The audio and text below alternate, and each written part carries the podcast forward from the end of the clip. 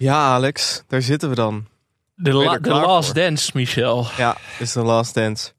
Maar voordat we gaan beginnen, Ja, heb ik iets voor jou. jezus. Ja, ik ben een beetje zenuwachtig. Het is een, ik zou het niet een verrassing noemen, maar ik ga het even pakken. Ja, Ik loop even de studio uit. Ja. Ik zo terug. spannende podcasting. Moet ik nu dit vol gaan praten? Ik ga wel even mijmeren. Tweeënhalf jaar geleden zaten wij voor het eerst in deze studio. Het was een mooie zomerdag. Wat ik hier bij me heb, Alex, is een kans op eerherstel. Nee, ik heb hier een glas met cola. Maar met welke soort cola? kijk, kijk, ik ga mezelf meteen indekken. Ik hoop niet dat mijn tandarts luistert, want ik heb een beugel en ik mag eigenlijk geen cola meer drinken. Maar ik ben bereid om dit offer eenmalig te, te brengen. Je En- moet wel. En ik heb net corona gehad. We kregen namelijk een, eh, een eh, bericht van Ronald op Twitter. Ja. Die ook zegt, eh, ja, jullie moeten nog een allerlaatste cola-test doen... om Alex het tegendeel te laten bewijzen. Dus dit is gewoon puur one-shot. één glas. Ik wil van jou horen, wat voor soort... Kan, het kan van alles zijn. Ja, Het is een soort cola, maar welke smaak? Je hebt ooit gezegd, ik kan elke cola zo aanwijzen. Dat is mijn eerste slok cola in een half jaar. Ik moet er even van bij komen. Volgens mij is dit Pepsi. Is dat waar? Ja, ja, ja, ja, ja. Nou, ik stop ermee. Dit Ladies was het. and gentlemen, Ja, Alex Maasdeel. Dit is Pepsi Max, is dit. Godsamme, ja, dit, dit herken ik wel uit duizenden. Gelukkig Eindelijk. maar. Ja, Goh, maar. wat een dit. Ja, ik dacht, ga ik het je nog heel moeilijk maken met Nee. het huismerk van de Jumbo? Maar ik dacht, nee. Nee, Gewoon- ik, ik rook er al aan en ik wist dit is Pepsi. Ik dacht, één kans op eerherstel. Ja. Het, is, het haalt natuurlijk de schande niet helemaal weg. Mm, Maar toch even, je hebt toch eventjes laten zien dat je... Het was niet allemaal grootspraak. voor mijn gevoel is de cirkel nu wel echt rond. Ja. Dit heeft me natuurlijk wel echt jarenlang achtervolgd. Kijk, ik heb, ik heb ge- ooit gezegd dat de weerribben ergens anders lagen dan dat ze lagen. Maar dit is al, dit was al, dit heeft me hier wel wakker van gelegen s'nachts heel vaak. Ja. Snap ik. God, eh, Mr. Cola-test. kan weer met een gerust hart gaan slapen eindelijk, na twee jaar. Fijn. Ik heb voor jou ook een verrassing. Echt waar? Hier is ze, Angela de Jong. Nee. Wat zou jij doen als ze wel aan zou schuiven ineens? Dat ik er had meegenomen voor de verrassing. Ja, dan zou ik balen dat ik niks had kunnen voorbereiden. Geen vragen. Nee. Weet je, dat Is je, dat nodig bij Angela? Dat zo'n Ja, dat je- machine die levert toch Dat je wel. onvoorbereid erin gaat, dat lijkt me niet lekker. Bert en Ernie, Ali B, Eurovisie, Fred Haché, Floortje Dessing, Fritsie Sissing, meneer Cactus Show. Luizen, moeder Ivo, die wereldkampioenschap skiën, Johan Derksen, Gerard Joling, Renje Rot en Bo.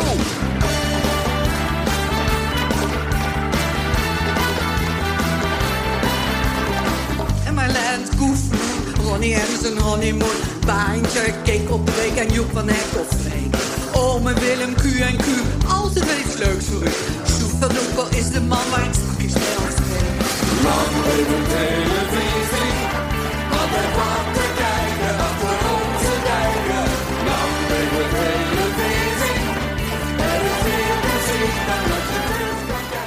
Dit is Televisie, de podcast over Nederlandse televisieprogramma's. Mijn naam is Michel Dodeman. Tegenover mij, Alex Maasreel. Hallo Michel. Hoe is het? Eh, de vorige aflevering was beladen. Eh, maar dit is natuurlijk ja, melancholisch, sentimenteel, hoe je het wil noemen.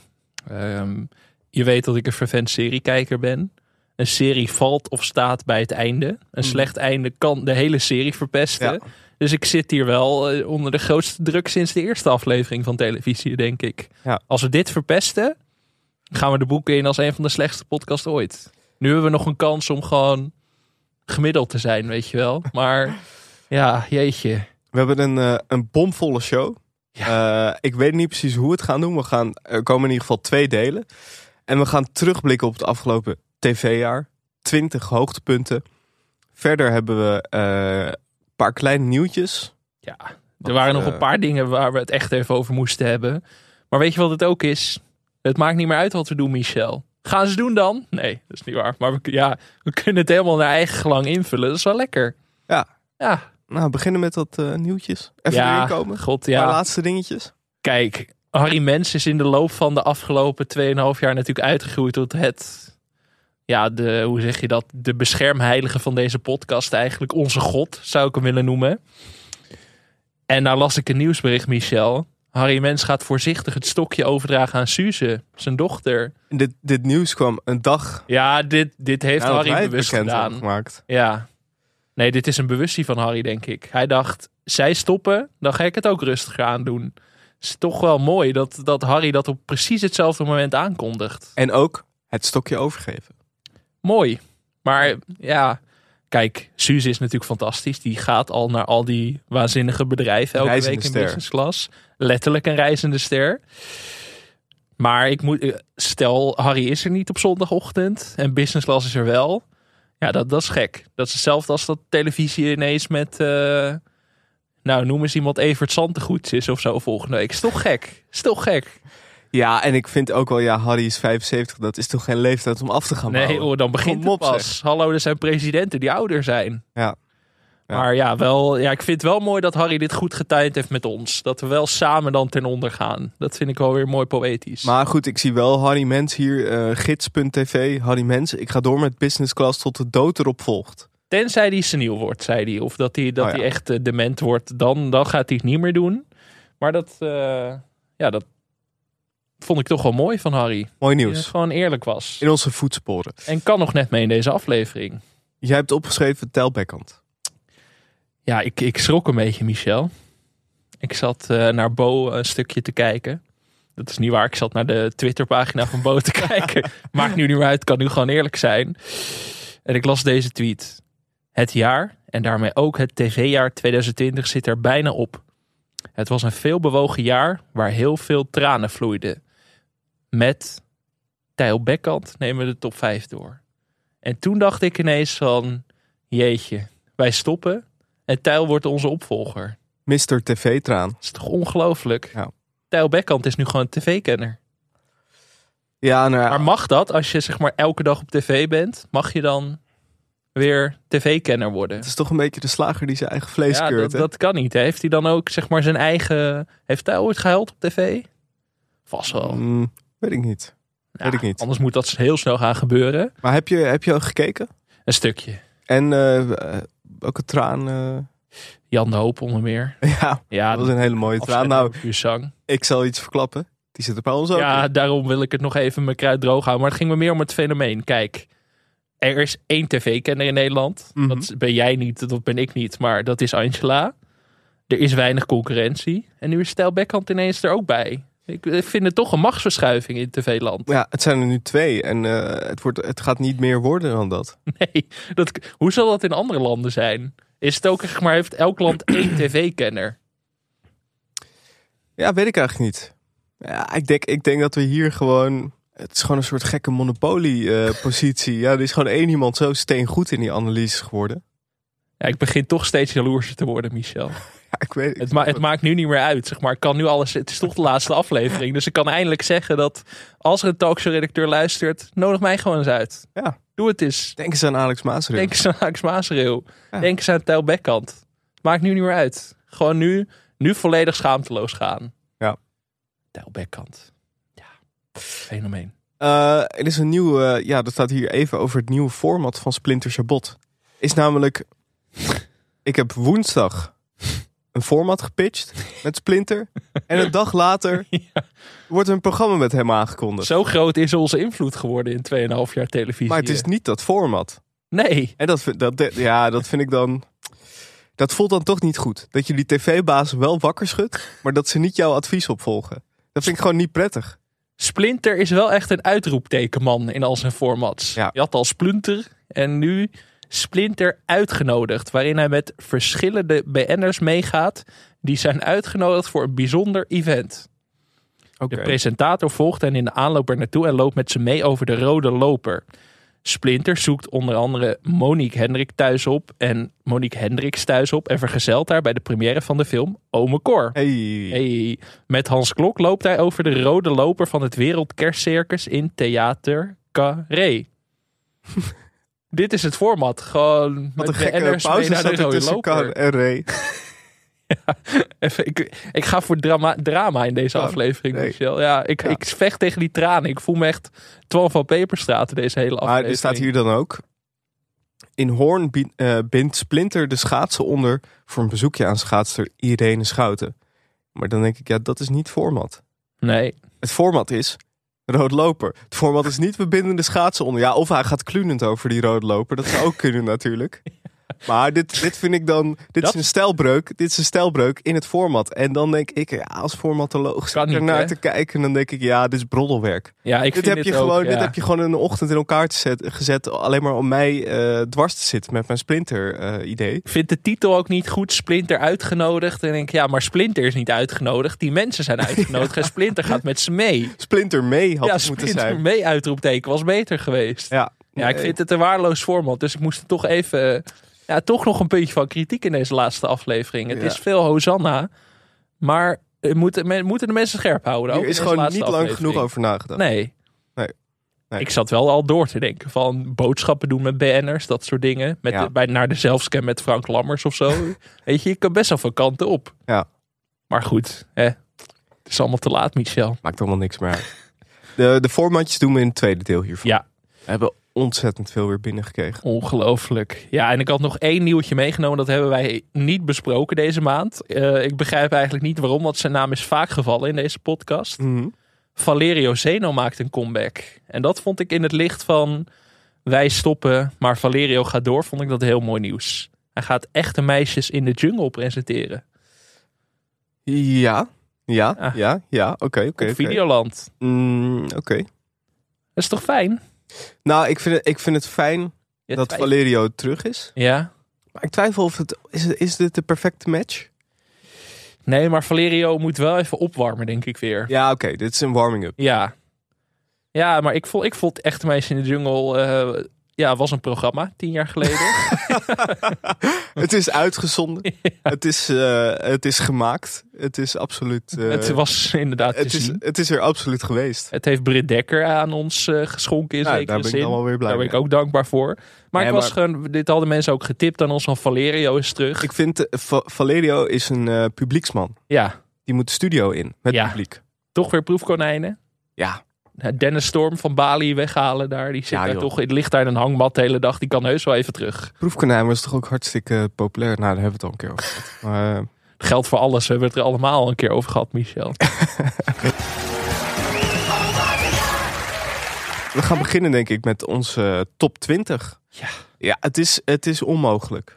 Ja, Het is onmogelijk. Hoe ga je een heel jaar, een tv-jaar, hè? want er zijn misschien mensen, oh ja, dit en dit moment. Nee, het gaat puur om het televisiejaar. Mhm. Eigenlijk ook niet eens het tv-jaar. Nee, ons, ons televisie, tv-jaar. Ja. ons televisiejaar. En eh, ja, dan, dan vraag je misschien ook af, ja, hoe is die lijst tot stand gekomen? Nou ja, eh, ja weet ik echt niet. Gut feeling. Gut feeling, Ja. dat is een mooi woord. Ja, Ik, ik, je weet, je hebt wel overzichten en Tel Beckhand die de vijf eh, emotionele momenten samenvat. Ik ging gewoon om mijn gevoel af. Ja. Maar er, was ook, er waren ook wat tips van luisteraars. Daar was ik ook blij mee. We hebben eerst drie eervolle vermeldingen. Ja. Eh, deze hebben de top 20 niet gehaald.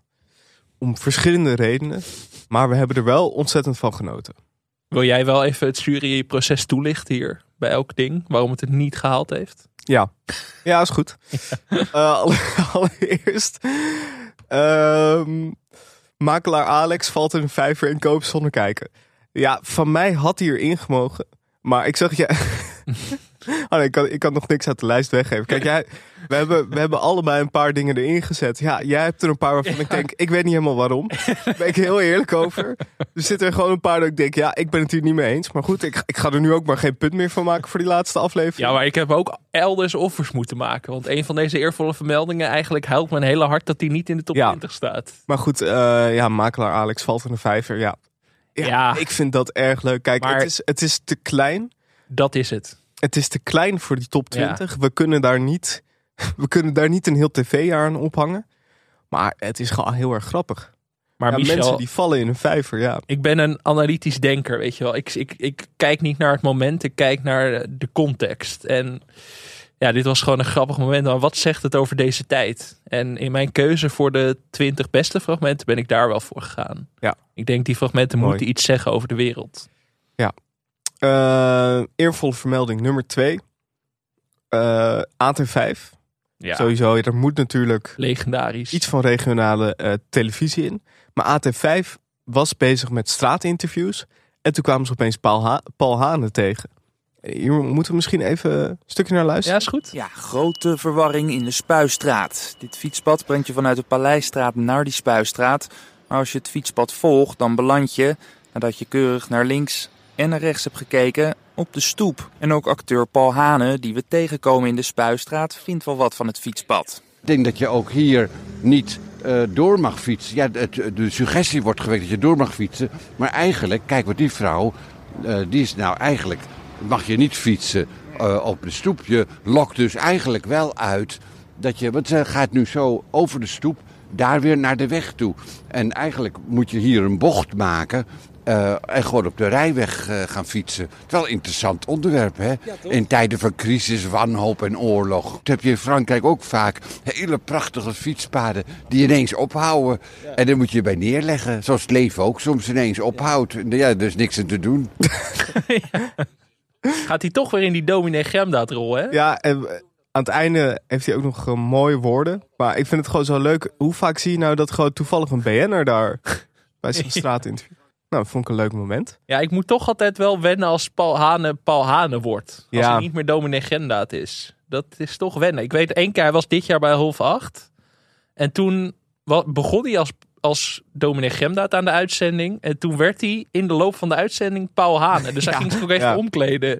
Ja, dat vind ik dan toch wel een gekke gewaarwording. Dat ik denk, ja, eh, dit, dit is voor ons als kijker is dit best wel eh, moeilijk. Moeilijk te accepteren. Eh, en dan nummer drie, eervolle vermelding. Klassiekers met Kleinsma. Ik heb hiervoor gevochten. Nou ja, Ik heb het eh, evangelie verkondigd. je had hem van mij erin mogen zetten. Waarom?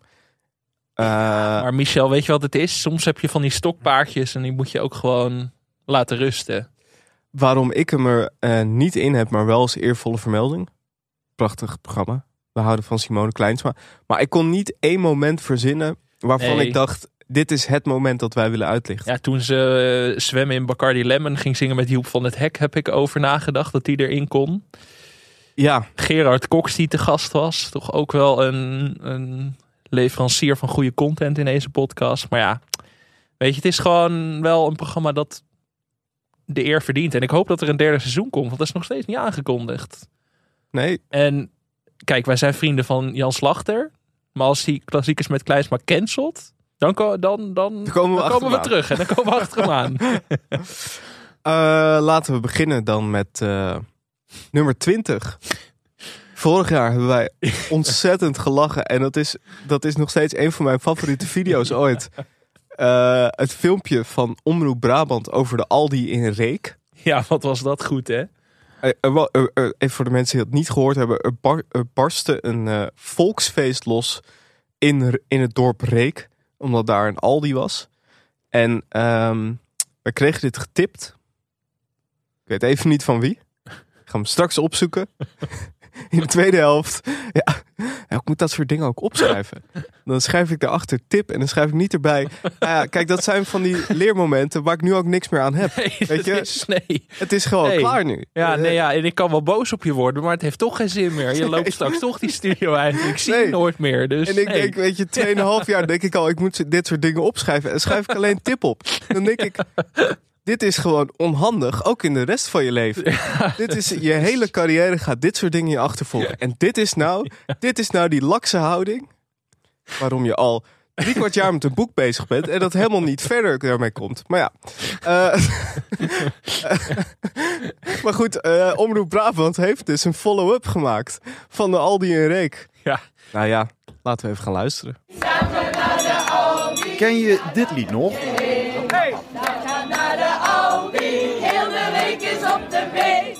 Dit is hoe blij de inwoners van Reek waren toen er eindelijk weer een supermarkt in het dorp kwam.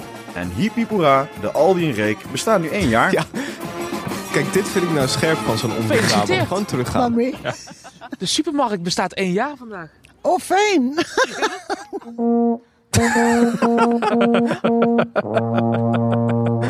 Het is een jaar later nog steeds feest. Ja, ja zeker hè, ja. 94 voor volgende week zaterdag. Maar de supermarkt is ook jarig. Dan gaan we tenminste iets lekkers holen. Nou, wij zijn er blij mee, moet ik zeggen. Ja, nou is het inderdaad eh, om de hoek met de fiets of lopen. Of, eh, dus dat is eh, ideaal. Dat is makkelijk. Gewoon makkelijk. Hoef nergens naartoe. We kunnen nou hier op twee zijn we erbij, hè? Ja. Ook het idee dat het dorp eh, ook nog een winkel heeft.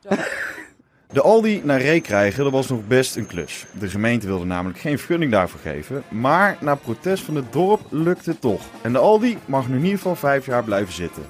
Daarna gaat de gemeente kijken of de supermarkt voor goed mag blijven. Eerst zijn we met de fiets allemaal naar het gemeentehuis geweest. En ja, intussen is de Aldi hier en we hopen dat die blijft. Het gaat meer over het voortbestaan. Mag, mag nog vijf jaar blijven, na vijf jaar blijven of niet? Nou, dan zitten ze wel eens mee. Goed dat ze is de zich daar nu vraag. al zorgen om maken. Ja. Je moet er op tijd bij zijn. is plaatsen, vooruitdenken. Het is niet dat u nou denkt, had er maar een Albert Heijn gezeten. of Jumbo. Nee, nee, nee, nee, nee, nee, nee, nee. Nee? Nee. Nee, die zit in Schaik zit er eentje en in Zeeland zit de Jumbo en eh, wij hebben de Aldi. Klaar. Leven alle. Zo is dat. Ah, dit, dat nog ook niet. Ja, dit is gewoon ook überhaupt natuurlijk een ode aan eh, regionale tv. Regiotelevisie. Oh, wat is dit weer goed zeg.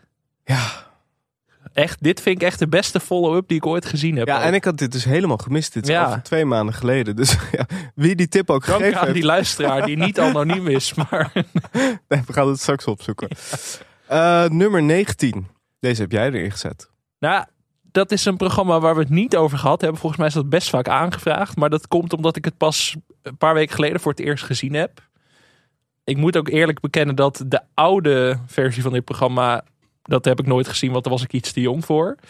Maar het is wel geliefd. Wakku Wakku keerde dit jaar terug. Ja. Heb jij er iets van gezien, Michel? Eh, nee, echt niet. Eh Wakku Wakku is dus terug met Sosja Duisker als presentator. Leuk. En die wilde ik even uitlichten, want zij maakt dat hele programma. Kijk, ik heb dit wel eens eerder gezegd. De dieren interesseren me echt geen reet. Heb ik dat eerder gezegd? Nee, dat heb je nooit Nee, ik, ik, vooral kinderen heb ik het vaak tegen opgenomen. Ja, dieren vind ik echt niet interessant. Mijn angst is ook, stel, in- als ze in 2040 echt niemand meer kennen die mee wil doen aan de slimste mensen, dat ze mij dan bellen. Dan ben ik echt als het dood dat ik eruit ga door een dierenvraag. Ja. Ik weet niks van dieren. Ik heb niks met dieren. Ik vind dierentuinen stom. Ja? Ja, vind ik echt, echt stom. Vond ik als kind al niet leuk. Liep ik daar echt de hele dag met, met zo'n heel lang gezicht van ja, dierentuin. Boeien. Maar ik weet niet wat ik met deze informatie wil. Maar, dus ik ging Wakku Wakku kijken. eh, en Wakku Wakku bleek gewoon heel erg leuk te zijn in een Ja. nieuwe opzet. Er waren wat mensen die klaagden dat het te druk was of zo. Maar dat vind ik altijd zo aanstellerij. Want het is te druk. Als je denkt aan drukke programma's, dan moet je het over The Wheel met Rob Kemps hebben. Dat was een Ja. druk programma. Maar de nieuwe Wakku Wakku, ik vond het heel erg leuk. En Sosja Duisker, die wil ik nou meer zien. Daar hebben we het nooit over gehad, maar vaker. Toppie. Ja, toppie. Reizende tv-ster. Nog één. Ga zo door, Sosja. Ja, We gaan heel veel complimenten uitdelen Ja. vandaag. Ja, daar is dit voor. Over complimenten gesproken. Zo, Deze heb jij er ook in gezet. De grote doorbraak van Rob de Wijk. Wat een jaar had Rob de Wijk. Kijk, de omstandigheden zijn een beetje tragisch. Eh, Het kwam natuurlijk door het, eh, of de oorlog in Oekraïne. Maar Rob de Wijk is tegenwoordig elke dag op tv. En ehm, in het begin konden we misschien denken treurig. Want Rob de Wijk is niet echt een, eh, een optimist. Omstandigheden waren natuurlijk heel tragisch. En Rob de Wijk is niet een man die zegt van... ik ga het volk geruststellen, gaat u maar rustig slapen. Rob de Wijk is een realist, Michel. En daarom heb ik heel vaak gehad dat ik opeens zat te kijken. En Rob was op tv. En dat ik dacht, ja, de wereld gaat gewoon naar de kloten. Maar het is wel fijn dat we dat weten. En dat iemand niet zegt van, ja, het kan misschien goed komen. Maar Rob is gewoon altijd Rob. Nee, het komt niet goed. En dat vind ik een mooie, En Rob mooie zegt ook, en dat heb ik allemaal al voorspeld. Ja.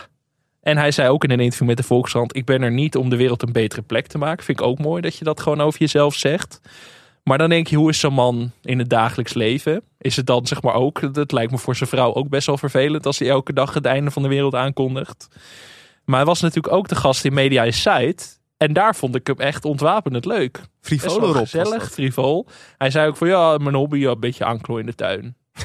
En hij verklapte toen ook nog dat hij wist waar Bin Laden zich verstopte. Niet nu, maar tien jaar geleden. Dat, even tussen neus en lippen door. Ja, wist ik al lang waar die, waar die verstopt zat. Vond ik een hele goede anekdote zo. Tien jaar na dato nog even gewoon droppen. En ja, ik ben wel echt van Rob de Wijk gaan houden dit jaar. Dus ik vond dat hij een plekje in deze lijst verdiende. Toch je een hebt, nieuwe altijd, eh, je hebt altijd aan het einde van het jaar die voorspellers voor 2023. Ik zou graag zo'n rubriekje zien, maar dan met Rob de Wijk. En dan voor over tien jaar. Dat hij gewoon inderdaad zegt, nou, eh, dit gaat er gebeuren, dat gaat er gebeuren. Daar komt de oorlog, dit komt goed, dit komt niet goed. En ik heb het allemaal al eh, zien aankomen. Vijf jaar later, dat was het programma van Jeroen Pauw, toch? Dit zou je ook met eh, Rob de Wijk gewoon kunnen doen, inderdaad. Een solo-programma. Ja. Ja, volgens mij tv-ster Rob de Wijk, daar valt nog veel meer uit te halen. Dus dat is mijn wens voor 20. Nou, bij deze. Bij deze. Nummer 18. Als dat gaat gebeuren, nou, eh, dan zitten we hier niet meer over eh, of we gas wel of niet kunnen gaan betalen, Dan maar of we überhaupt gas. een gas krijgen. Ja, precies. Dus dat is Ja. een heel ander verhaal. Ja. En dan raak je echt het hart van economische oorlogsvoering. Daar zitten we al Ja. in. En dus het is wel plausibel eh, ehm, als Maar moet je dat Als- dan niet benoemen? Moet je, wat moet je dan daaraan doen? Nou ja, dan- je moet eerst weten wat de attributie is. Dus je moet eerst weten wat hier precies achter zit. Want dit is zo ernstig als dit het geval is. Dit is een oorlogsverklaring. Voordat we verder gaan met, eh, met deze top 20, ehm, is het nog even leuk om te benoemen dat wij een paar hele goede vrienden van de show gevraagd hebben om iets in te spreken. We hebben er een paar gevonden. Het was, Ja. het was schrapen, maar het was ze moeilijk. zijn er. Maar nu hebben we één iemand gevonden en die komt hier gewoon net binnenlopen. Ja, dat zijn de echte podcastgiganten die gewoon een studio binnenkomen lopen en mogen aanschuiven. een levend audiobericht. Ik heb het eh, vier, vijf keer proberen op te nemen in mijn, in mijn podcast, eh, podcastbibliotheek. Elke keer brak ik.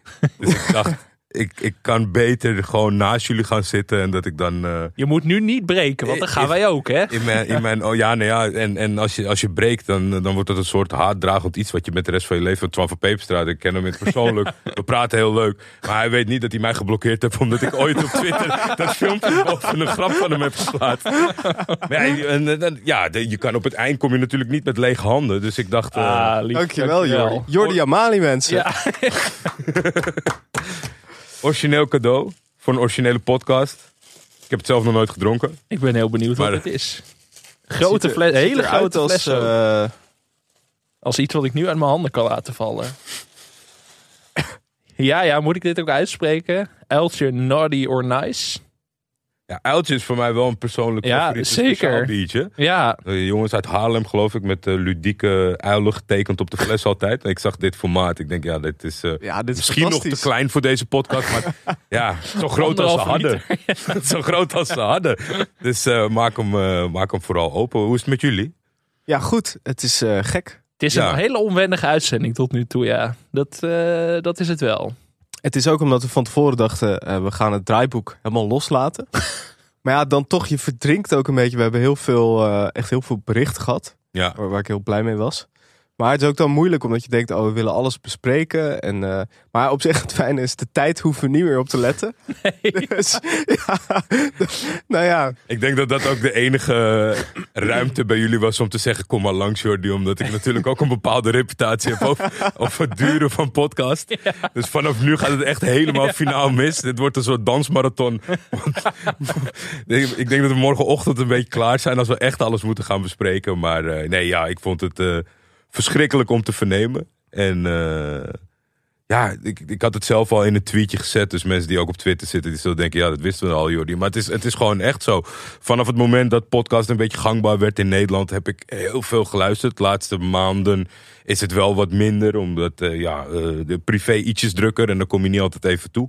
Eh, maar ja, van, van dingen die je altijd aanraadt. Dit is de beste podcast ooit. En dit, het zijn allemaal reeksen, series. eh, ik ben helemaal niet genre gebonden wat dat betreft. En ineens waren jullie daar, onze collega's in, eh, in de kelder op de Kwakerstraat. Ik denk, ja, ja. Ik zag, ik zag de omschrijvingen van de titels. Denk, het ene programma ken ik wel van toen ik klein was. Het andere programma nog nooit van gehoord. ik ben geen vervent kijker van televisie. En eh, ja, jullie werden een soort van thuis voor mij. Allemaal avonturen onderweg. Maar je wil altijd gewoon thuiskomen en daar zit je het lekkerst. En ik weet niet hoe je dat jullie gelukt is met een onderwerp wat mij eigenlijk niet echt kan interesseren. ik ken een boel mensen niet die jullie bespreken. Tenzij het natuurlijk mastodonten zijn eh, uit Hilversum die al jaren meegaan. En ja, het is toch gewoon de kunst, denk ik, dat je iets vermakelijks kan vertellen. Alleen al door het te bespreken. Zonder dat ik daadwerkelijk hoef te kijken hoe een paar onbekende mensen België invallen. zonder dat België dat zelf doorheeft. Of dat het ze überhaupt ja, kenbaar is geworden in de periode dat deze mensen een invasie aan het plegen waren. Dus wat dat betreft, ja, ik, ik denk dat er gewoon eh, met jullie iets eh, heel speciaals eh, verdwijnt. Ik denk ook zeker dat jullie nog lang niet waren uitgesproken. Jullie hadden het zelf over het feit dat er eh, heel veel mensen zijn bijgekomen die denken dat een, een podcast is met elkaar praten. Maar daar zit zeker wel onderscheid in. En eh, ja, eh, welverdiende rust, creatieve rust moeten jullie gaan nemen. Maar ik hoop met, met mij velen, helaas niet genoeg naar Deense maatstaven, dat jullie snel terug zijn. Wat dat betreft.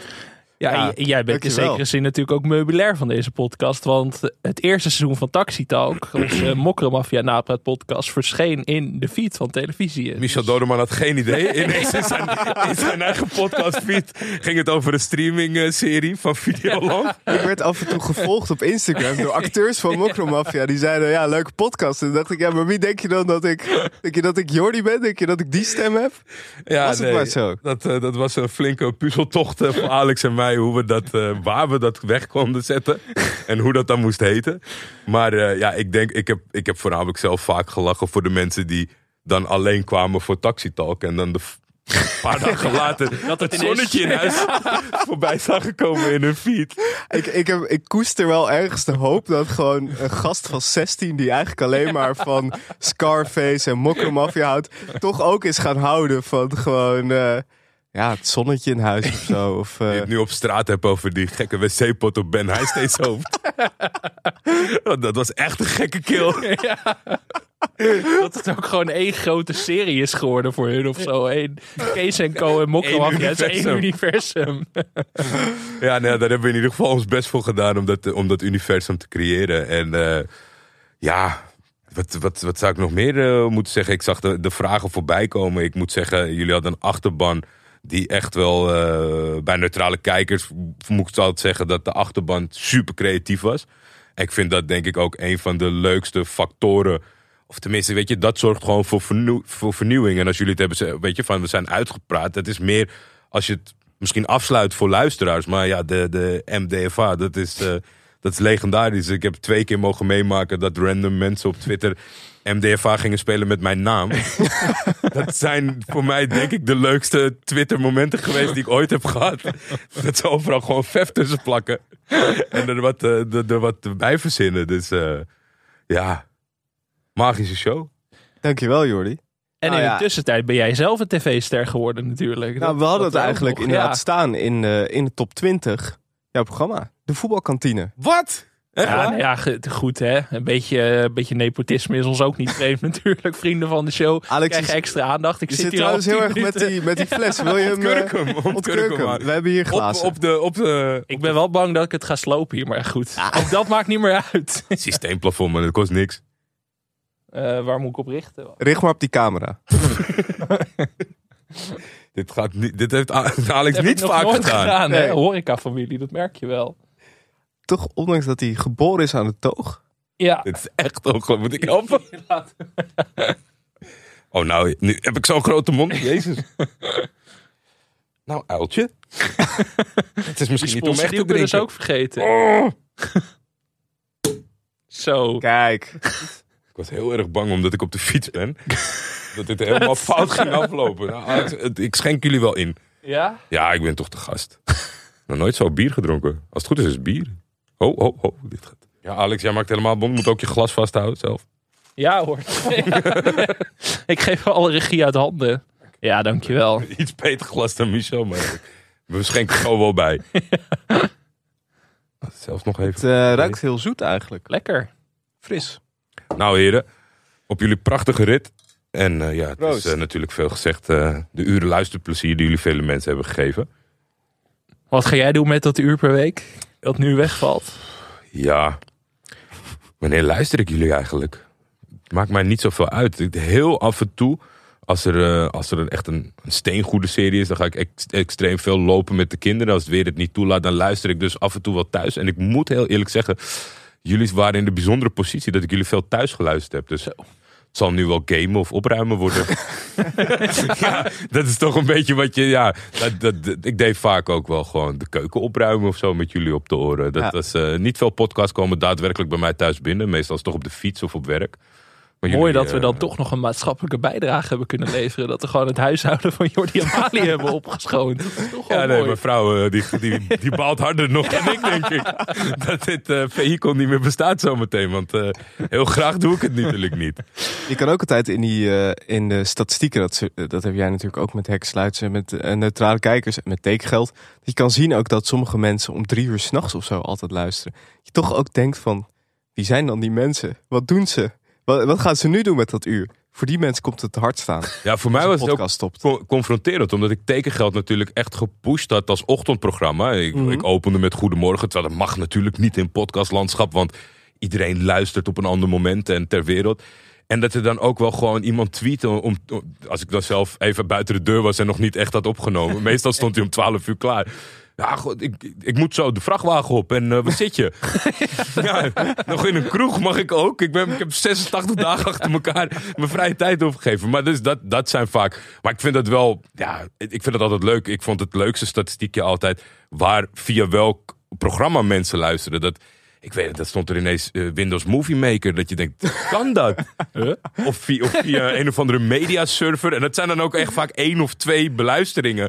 Via de wifi van de koelkast of zo. Het is- ja, het is echt legendarisch als je daar een beetje induikt. Kijk, die bovenste zijn allemaal niet zo interessant. Maar als je naar tab 2, 3, 4 gaat, dan wordt het leuk. Ja. Windows Movie Maker. Dat zal mijn moeder geweest zijn, denk ik, of zo. Ik weet het niet. Per ongeluk doorgeklikt dat hij daarin opstartte. Maar we hadden het eigenlijk over eh, jouw programma. Voetbalkantine. Maar we gingen een hele andere kant op. Maar hoe was dat voor jou? Ja, de, de voetbalkantine. Ik, het, vooral, ik was heel erg bang omdat jullie het natuurlijk op een gegeven moment ook hadden over eh, de veelbesproken voetbaltalkshow Oorlog. Zo. Ja. Daar waren wij net, eh, denk ik, te laat voor. Omdat mijn compaan Wouter Bouwman, die had al vakantie voordat hij werd aangenomen op ESPN. Dus hadden wij een soort van late start. Dus dat is ons... eh, ons maar ik, ik heb het idee dat wij sowieso wel daar buiten vallen. En ik denk dat dat het fijnste is van de conclusie van de eerste seizoenshelft. We gaan op 8 januari weer beginnen. Ik vond het mega spannend. Want ja, dit is voor mij gesneden koek. Het is jou, ja, er staan tegenwoordig camera's bij, maar die vallen niet echt op. Maar ik ben comfortabeler achter een microfoon dan, eh, dan op beeld. Zeker als in je hoofd gaat zitten, dit is live televisie. Dat was natuurlijk ook natuurlijk eh, wel veel kunnen oefenen met voetbalpraat. Maar ja, dat is toch, eh, eigenlijk is het gewoon, eigenlijk net als hier, een podcast met vaste camera's. Dat niet zo spannend is. En nu werden een redactievergadering en mensen over de vloer en bewegende cameramensen. Ik denk hetgene wat me het meest gered heb is, eh, waar ik van tevoren al op bouwde, is het vakmanschap van Bouwman in het aan elkaar praten, presenteren van zo'n programma. En daarbuiten is de studiosetting best wel intiem en klein. We werken met twee bewegende camera's en een paar vaste camera's. Dus al heel snel had ik het idee, zoals dat we hier nu met z'n drieën zitten, van het is gewoon podcasten een beetje. En, en daarbinnen krijgen wij gewoon, denk ik, ontzettend veel vrijheid om, eh, om, om, om andere shows te maken. Wat natuurlijk heel moeilijk is, omdat je wel hard op de actualiteit zit. Maar door middel dat we naar eh, live fragmenten kunnen, is dat eigenlijk een beetje getackeld. En hebben we wel aandacht voor onze gasten. En dat is dan toch, we hebben anderhalf uur. Wat natuurlijk ook absurd is wat je, dat je dat aan iemand geeft die nog niet zo heel veel ervaring heeft. En toch vliegt het voorbij. En ik heb het idee altijd dat eh, eh, we de gasten ja, de ruimte kunnen geven die je eigenlijk in het medialandschap niet meer hebt. Je moet iets komen aanprijzen. Je, je, je, hebt, je hebt een haakje waarom je er bent. Even twee, drie minuten. En we vragen nog drie vragen. Terwijl ik met Michel aan het praten ben naar jou wat jij ervan vindt. En door. En nu hebben we gewoon echt blokken waarin we wat kunnen bespreken. En dat is eh, heel fijn, de samenwerking met de eindredactie. Dat je daar ook veel vrijheid in krijgt. Soms heb je een andere eindredacteur die meer in traditionele tv zit. En dan zijn ze vaak geneigd van eh, door, door, door. Zit je dan op je oor. Maar tegenwoordig heb ik soms het idee dat het moordje uit is. Want dan eh, weinig coaching. Dus, Wat goed. ja, ik weet niet. eh, de, de- jij hebt het vast wel vanuit je, vanuit je vak een keer moeten bekijken, of niet? Zeker. Ja. Ja. nee, ja, nee, het bevalt mij prima. Vooral omdat het wat anders doet. En dat is waar ik ook eh, als tv-recensent vaak naar op zoek ben. Is dat er iets anders gebeurt. Zeg maar, eh, op één is elke avond hetzelfde. Alleen de poppetjes zijn soms anders, maar soms ook helemaal niet. Dat maar level chao- eh, chaotischheid is Ja. nog, wel, nog wel eens fluctuerend. Ja, maar zelfs chaos vind ik helemaal geen slecht ding op tv, zeg maar. Dat, eh, Ja. Om de parallel met podcast te trekken. Ik vond onze podcast ook het leukst als er... Als het niet helemaal gesmeerd liep. Of dat het een beetje... Dat we iets bedacht hadden. En dat we een hele andere kant op gingen. Dat vond ik vaak de leukste aflevering. En op tv ligt dat natuurlijk een beetje anders. Zeker als het live tv is. Maar ik vind het ook wel leuk als het niet helemaal gesmeerd loopt. Want het hoeft niet allemaal perfect Ja, te zijn. Dat vind ik juist leuk. Ik heb altijd oorlog met mijn oortje, dus dat is sowieso iets wat ze liever niet hebben op tv. Mijn kastje van mijn microfoon is een keer op de grond gevallen, met de batterij eruit. Zat ik knielend op de grond tussen de bargasten naar mijn batterij te zoeken. Dus eh, dat is mijn inbreng qua chaos, wat dat betreft. Maar ja, dat, eh, met wat je aangeeft, wat je zoekt, nou ja, dat, dat- ik ben vooral nog voor één specifiek ding dankbaar. Ik denk dat jullie mij hebben uitgenodigd waar ik verder creatief helemaal geen eh, invloed op had of, of iets mee te maken. Maar een stukje podcast historie als de beste opening die er ooit is gemaakt in eh, de talkshow langs de lijn. Ja, dat was wel, eh, jullie stuurden een appje van we hebben je stem nodig. En dan hoef ik daar verder niet lang over na te denken. En toen zag ik de tekst en toen heb ik echt thuis yes gezeten van dit komt wel goed. En toen ben ik hier gaan zitten en heb ik netjes gedaan wat jullie gevraagd hebben. Maar toen ik dat, ik luister mezelf al jaren niet meer terug. En heel stiekem in het begin eigenlijk ook al niet. Dan mensen zeggen je moet luisteren, want dan word je beter. Ik vind dat heel, ja, ik heb het zelf verteld, dus ik weet wat ik ga zeggen. Ik kan, daar niet een uur naar luisteren. Maar bij deze heb ik echt wel gewoon, ik denk een stuk of 10 of 15 keer terug, eh, teruggeluisterd. En ik, de reacties ook op Twitter van andere mensen. Ik vond dat echt eh, geniaal. Nou, goed dat je het zegt. Het is een heel natuurlijk bruggetje. Want het is ook nummer 17 op onze lijst stil toevallig. Ja, niet wij zelf. Niet wij zelf. Nee, we, daar zeggen. zouden wij niet aan doen natuurlijk. Maar het is eh, de nummer 17. Het stoppen van Vandaag in Site. En dan vooral Angela de Jong die letterlijk van talkshow studio naar talkshow studio ging rennen. Ja, dat is toch ook wel de droom. Dat je ooit zo groot wordt dat dat gebeurt. Zeg maar, dat je Maar echt- dat, dat mensen zo hard aan je trekken dat je denkt van, ah, weet je, ik doe het wel allebei. Maar jullie zijn een soort hi- historicus met betrekking tot tv. Dit was toch ook wel uniek? Ja. Iemand op één avond in twee soortgelijke shows? Ja, ik heb dat nog nooit gezien. Zo kort achter elkaar ook. Nee. En dan Nee. werd er- op een gegeven moment werd er natuurlijk gezegd... nou, Ab Oosterhuis met zijn wijntjes overal. Maar dit, dit was echt... Ah, dit was al next eroverheen. level. Maar dat is ook wel leuk dat jij er nu bij zit. Want jij, jij bent zeg maar, als relatief onbekend iemand. Zeg maar, in, in Mhm. onze bubbel natuurlijk wel groot. Maar bij, de grote, bij het grote publiek zou je niet... Mensen denken, Jordi Amali, wie is dat dan? Maar om daar dan toch doorheen te Nou, breken... dit vind ik wel een uitspraak hoor. Nee, maar de- in het begin... Gaat, dit- zeg gaat dit maar. eindigen met zo begon Angela ook? ik, ga, ik ga een parallel trekken, inderdaad. Maar, nee, maar dat zal ook tegen jou wel. Alsof zeg maar dat het een beetje. Dat heb je ook wel eens verteld. Dat mensen bij voetbal praten of zo wel een beetje je gingen uittesten. Van hé, hey, wat weet hij nou eigenlijk? Want je, bent, je hebt geen 80 interlands achter je naam Nee, dat is een soort van natuurlijk fenomeen. En ik weet niet eens of die mensen dat allemaal bewust doen. Maar ik merkte gewoon heel erg met wat. Kijk, de, de eh, journalisten. Die waren meestal wel bekend met me. Of ze hebben een hekel aan me. Of ze vinden me wel aardig gozer. Maar ze weten wel wie ik ben. Maar de voetballers die hadden natuurlijk geen idee. En dan toch op een of andere manier. Werd het altijd gezellig en, en, en open op het moment dat ze dan toch even iets lieten vallen. En de- de- de- ik weet heel goed dan met Boularoes die dan eh, tijdens eh, die deed, voor mijn idee deed hij alsof hij op een paar spelers van de Afrika Cup niet kwam. En dat vulde ik aan. En toen dacht hij van, oh ja, oké. Mario Been was ook wel een beetje behouden. En op een gegeven moment eh, vroeg ik over zijn tijd eh, bij Fenerbahce. Nou, toen dacht ik, lepelde ik die selecties op waar hij mee had gewerkt. En toen, weet je, je, je ziet steeds dat terugkeren van dat ze eigenlijk alleen willen weten, lult hij uit zijn nek? Of is, is er een reden dat hij hier is? En dan, eh, en dan is het ook oké. En eigenlijk is dat, eh, ja, zijn de, de profs en de voetballers en die zijn eigenlijk chiller dan de, dan de overige collega's. Maar ja, ik heb geen, eh, ik heb geen ruzies en dat wil ik ook graag zo houden. Daar hebben we helemaal geen zin in. Maar eh, ja, er zullen nog gerust een heleboel mensen zich afvragen af en toe op tv of op een redactie wie is hij. En ja, dat vind ik eigenlijk prima, want ik ambieer niet meer dan dat. Ik, eh, ik vind het leuk dat ik via deze weg soms bij jullie betrokken kan raken. En niet op een manier dat ik op tv ben bij Waku Waku. En dat je moet zeggen, nou, Jordi Amali, weet je nog dat je, dat je hem hier op de gang kon aanspreken? Nu zit hij weer bij Waku Waku. Dat je meedeed aan de invasie van België. Dat je met Jean-Paul Risson dat land gaat binnenvallen. Nou ja, ik denk wel, de alleskunner Fips. Zou je dat doen?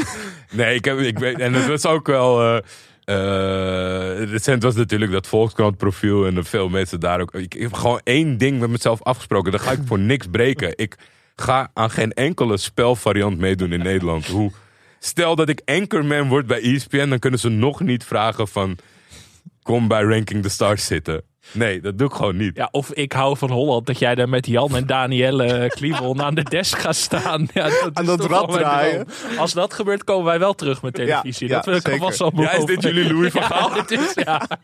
Een veilige keuze. Een veilige keuze. En maar heb jij eh, eh, zelf bepaalde echt hoogtepunten, specifieke momenten uit het eerste half jaar van, eh, van eh, je programma? Ehm, nou. pff, Wie vond ik je- wel wie vond je lastig, echt hoor. leuke Ik- gasten? ehm, ik ben veelal, veelal verbaasd, zeg maar. Omdat eh, de FC de Rebellen, dat, dat werd steeds groter en commerciëler. Ik geloof dat die ploeg die bestaat nu op een gegeven moment... werd je overal ermee geconfronteerd. Ze speelden meerdere wedstrijden per week. Het is nu volgens mij een bestand van 90 ex-voetballers. En eh, ja, dat zijn natuurlijk wel de jongens die wat te vertellen hebben en wat dan ook. Maar ja, het is toch. Ik, ik lees bijvoorbeeld al jaren geen voetbalbiografieën meer. Dat vind ik gewoon zo simpel en Ja. altijd hetzelfde verhaal met net andere eh, namen en dat soort zaken. Maar eh, daar hebben wel echt spelers tussen gezeten dat ik dacht, de combinatie. eh, goh, hoe heet die lang? Nou, die lange van Southampton, Heerenveen, Twente. Lange centrale verdediger, ik kom niet eens op zijn naam. Hooiveld? Ja, Jos Hooiveld. Ja. Jos Hooiveld en Joey van den Berg. Maar die, die, die zijn ook gewoon bevriend met elkaar buiten. de- En dat, dat vond ik zo leuk op tv werken. Want ze zijn wel van speldenprikjes naar elkaar. Het was niet twee beste vrienden dat, dat Alex iets zegt en dat jij bijvalt. Ja, zeker, daar ben ik het ook mee eens. Maar gewoon speldenprikjes, openhartig. En, en, en ik, dat vind ik wel gewoon het gaafste als iemand... eh, eh, op, openhartig is. Ik ben niet op zoek naar dat iemand iets vertelt eh, eh, wat rottig is of wat dan ook. Dat helemaal niet. Maar bij voetballers als geen andere denk ik dat je meestal merkt of ze daar met een schild zitten of niet. Ja. En dat schild dat moet af. En, en elke uitzending dat dat lukt, eh, ben ik al tevreden. Echt hoogtepunten. Het is, het is ja. Ik, ik loop vooral naar buiten van. Zijn, zijn de mensen, zijn ze blij? Willen ze een biertje drinken na afloop? zeggen ze wat leuk, zeg maar. Mhm. Ze komen toch altijd een soort van gesloten binnen. En eh, ja, eh, dat hebben ze al honderd keer gedaan. En handje geven, zitten, vertellen en weg, zeg maar. En elke keer dat dat niet gebeurt, ben ik wel, ben ik wel tevreden. En dat, ja, dat is, dit is niet altijd zo. Broertje van Kukje was heel moeilijk. Ik, probeer, ik gooide alles in de strijd. Dat is natuurlijk van Turkse kom af. Maar het was echt Mm. was heel moeilijk wat dat betreft. En dat is een goede leerschool. En dan zou je in- een podcast setting zou me dat denk ik wel lukken. En dat is dan Mhm. weer in de. Je, je- je kan niet een soort van eh, peloton starten totdat die lange zinnen gaat geven. Eh, dus ja, dat, dat, er zaten eh, highs en mediums bij en misschien een enkele low. Maar het is, het is toch, ja, omdat je. We proberen ook gewoon vernieuwend te zijn in de gasten die we uitnodigen. En ik, ik, ik heb dat altijd geambieerd. Al van de tijd van afkicken. En ja, dat, is, dat weet je nooit van tevoren hoe, hoe dat uitpakt. Dus ik, ik, ik vind dat we dat moeten blijven doen. En dan soms als iemand eh, ja, niet helemaal geschikt is voor het, voor, voor het format of het medium. Ja, dan eh, heb je daarmee te maken. Hebben jullie nog mensen die jullie graag in de show hadden willen hebben? Op een gegeven moment hadden we natuurlijk de extra shows met, eh, met, met gasten. Zat daar nog iemand bij die in die tijd niet gelukt is? Of die durfde te Ehm, vragen? Ik had heel graag, eh, volgens mij hebben we die nooit gevraagd, maar dat, dat was altijd het plan. Er zijn er, zijn er een paar. Hans Klok had ik heel graag gewild. Er was een periode dat Hans Klok heel veel tv-programma's deed. Ja. Een jaar geleden of zo. En toen dacht ik, dit, dit is echt het moment. Ja. Hij ook meedeed aan de Big Balance en zo. Dat hij over zo'n eh, over zo'n eh, ging koord ging lopen. Maar toen raakte hij ook al na, na twee afleveringen of één aflevering Bij de eerste aflevering ging hij er al uit die een gebroken enkel had. Ja. Dus toen, toen dacht ik, oh nee, ja, daar moeten we toch maar even mee wachten. Maar daar hebben we, daar hebben we dat, dat hebben we echt maandenlang tegen elkaar gezegd. Van, we moeten Hans Klok een keer vragen. En volgens mij heb ik nog een keer gezocht. En ik kon toen geen nummer vinden. Of tenminste geen nummer van zijn manager of zo. En toen heb ik het nog aan iemand anders gevraagd. En die zou mij het nummer van Hans Klok geven. En dat is nooit gebeurd. Ik denk wel dat hij het zou doen. Ja, dat denk ik ook wel. Ja, want Soms dat heb is je wel... van, die, van, die, van die sterren dat je denkt... Ik, ik weet nog dat ik eh, eh, bij een bevriende commentator vroeg van... Hoe zou Arno Vermeulen erin staan? En ik had dat eigenlijk niet verwacht. Ik dacht, die is on the high horse. Dat is de, de chef. eh, die, eh, die, die doet niks meer. Zeker niet als hij het niet kent. Oh ja, lijkt me hartstikke leuk. Ja. Was meteen Ja. geregeld. We hebben anderhalf uur met Peter en mij gezeten. Dat, eh, de- ik, ik zie Hans Klok ook wel in die categorie. Nee, maar dat was bij ons vaak ook zo. Ik bedoel, we hebben echt een enkele keer gehad dat iemand nee zei. Maar eigenlijk iedereen die we benaderden zei altijd wel ja. Maar het is wel, we hebben wel veel gasten gehad waarvan we dachten, ah, die moeten we een keer vragen. Maar dat kwam er dan nooit van. Ook omdat je zit in die wekelijkse mal van je moet door, door, door. En dat maakt het ook moeilijker.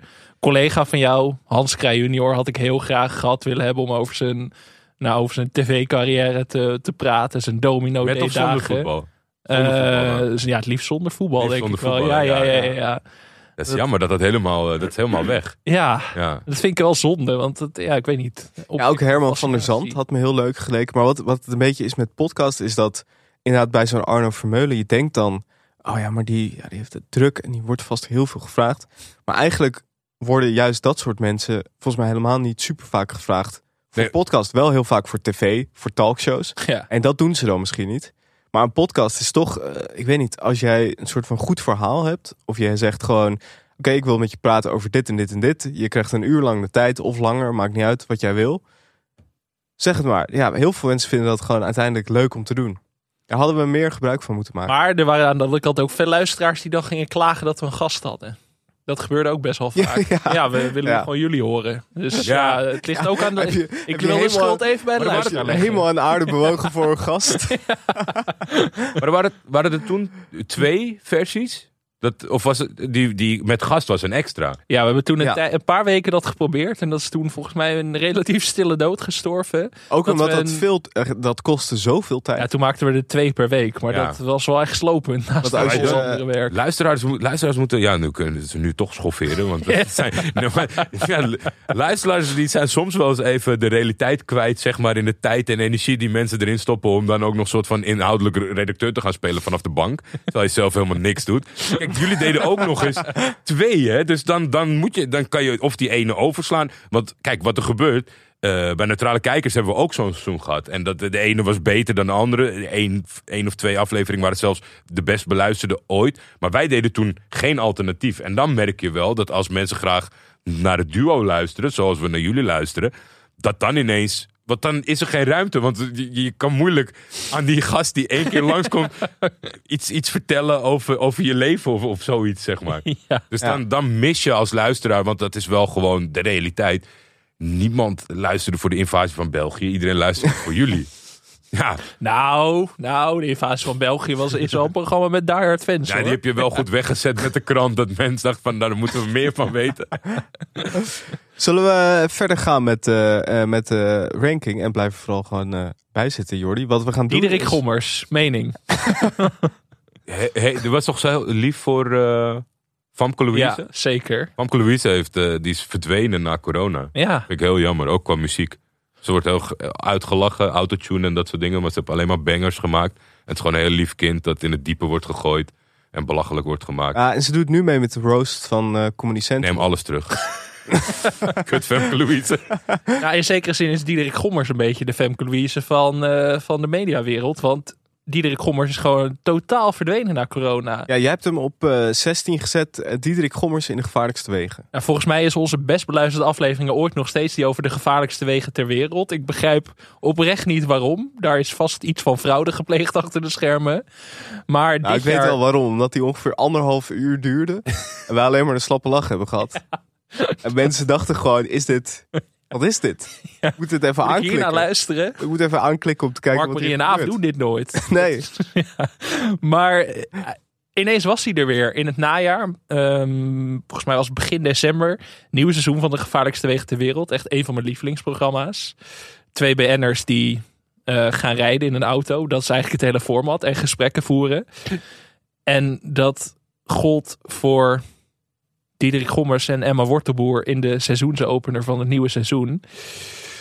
En ja, ineens was Diederik Gommers er weer. En hij zei in die aflevering, ik wil geen BN'er worden. En dat vind ik zo'n mooie tegenstelling. Dat je in een programma met BN'ers zegt dat je geen BN'er meer wil zijn. Dat vind ik zo ontzettend mooi. En ik vind het ook mooi dat je dan denkt van...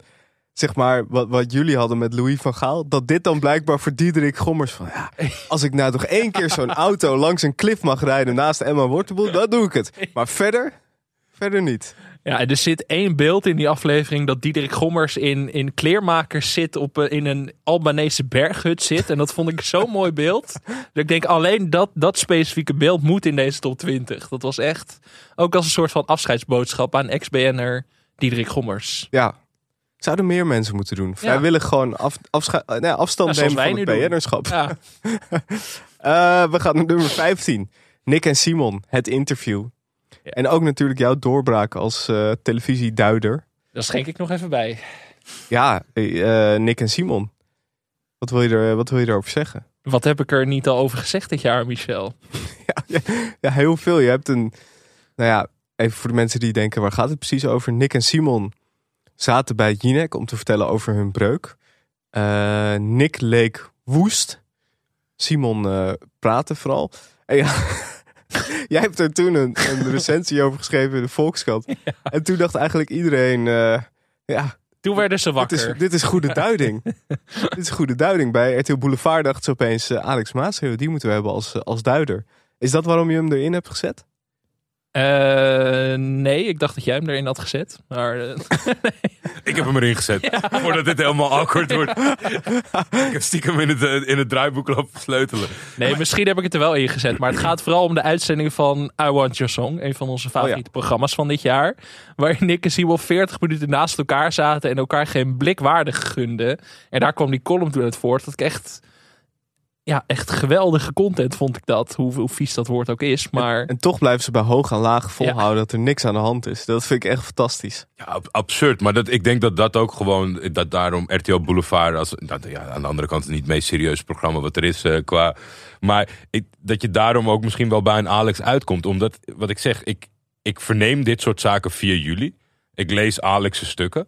En heel af en toe als het echt viraal gaat, dan word ik er dus mee geconfronteerd. Of er staat een snippet op, op Twitter. En dan zie ik eigenlijk wat ik in mijn hoofd wat, wat Alex of jullie in mijn hoofd hebben geprent, dat vond ik heel grappig. Want ik, I Want Your Song? Ja. Geen idee. Ja, werkelijk geen idee.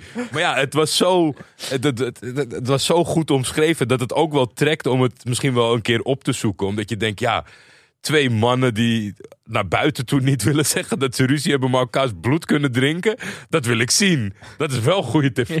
En dat bleek het ook wel echt zo te zijn. En dat bleek vooral in het interview toen bij Jinek aan tafel. Dat, dat Eva het ook ging benoemen. Van, maar jullie kijken elkaar helemaal niet aan de hele tijd. En dat, En dan ook nog steeds niet aankijken. Dat is wel klasse, vind ik. nee hoor, we kijken elkaar de hele tijd aan. En echt zo van... En dan zo... is er, is er, ja, jij bent natuurlijk de watcher. Is er uiteindelijk toch iemand gebroken die heeft opgebiecht van... ik, ik moet hem niet? Nee, nog Hij steeds zit niet. stilte nu. Nee, maar ze treden volgens mij nog steeds op. Maar dat Ja. stopt wel straks. Ze gaan stoppen met optreden. Ze hebben nog wel een eh, programma samen Ja. waarin ze weer op zoek gaan naar Bruce Springsteen, ABBA, ik weet niet, zoiets. Een bekende In, in, het buitenland? Ja, ongetwijfeld. Ja, dat is wel mooi. Dat vind ik altijd... Ja, Maar dat- dan is Kees Stol erbij als een soort van mediator, denk ik, de hele tijd. Kunnen ze gewoon de hele tijd naar Kees kijken. Ja, nee, eh, ze hebben allebei... Ik denk dat we echt over, over tien jaar of zo pas weten wat er nou precies aan de hand is. Ik denk dat het heel... eh, ja, misschien net als Van Gaal, de 20 jaar na zijn dood... dat dan de notules eh, naar buiten worden gebracht. Je hebt toch die doos van Beenhakker of zo? Ja, uit, ja, op eh, zolder. 1990. Op zolder. Ja, maar die zou die wel bij leven een keer delen. Dat moet, dat moet Don Leo nu wel gaan doen. Want eh, ja, dat, we zijn heel erg benieuwd. Hij blijft altijd vasthouden dat eh, het geheim... of tenminste hoe het echt is gegaan... dat wij dat met z'n allen niet weten. Nederland faalde natuurlijk behoorlijk met een goede generatie... na, de na het gewone EK. En dat ligt op zijn zolder en eh, dat hebben we nooit gekregen. Zat in, in Nick en Simon zat nog wel zeg maar ook de, de huidige podcastproblematiek.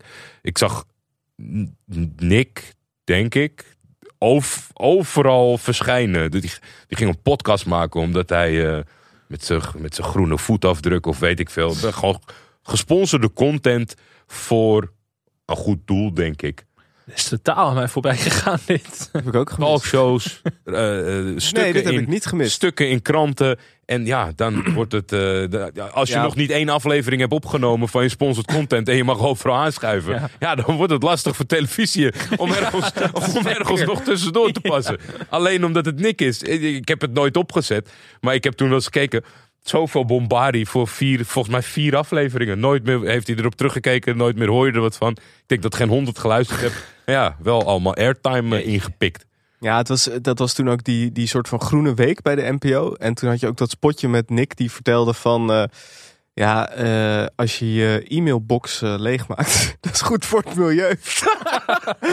je moest dat, dat kost allemaal stroom en zo. Nou ja. Maar dat, is, dat is denk ik ook wel gewoon de kwaliteit van onze BN'ers. En, en eigenlijk het hele probleem. Zeg maar, jullie eh, half acht. dat- er zijn gewoon vaste mensen en die worden onderwerpen op, op hun bord neer. En dat is het probleem. Maar deze jongen kan heel overtuigd vertellen alsof hij leeft voor deze materie.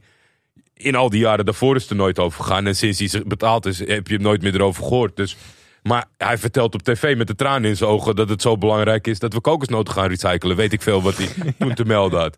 Ja, nou ja, oké. Ik eh, zit als een soort van Maarten van ik al, doen jullie alsof ik er niet ben tot iets mij raakt? Dan val Nou. ik wel in. Nou, dan... eh, Nou, ja.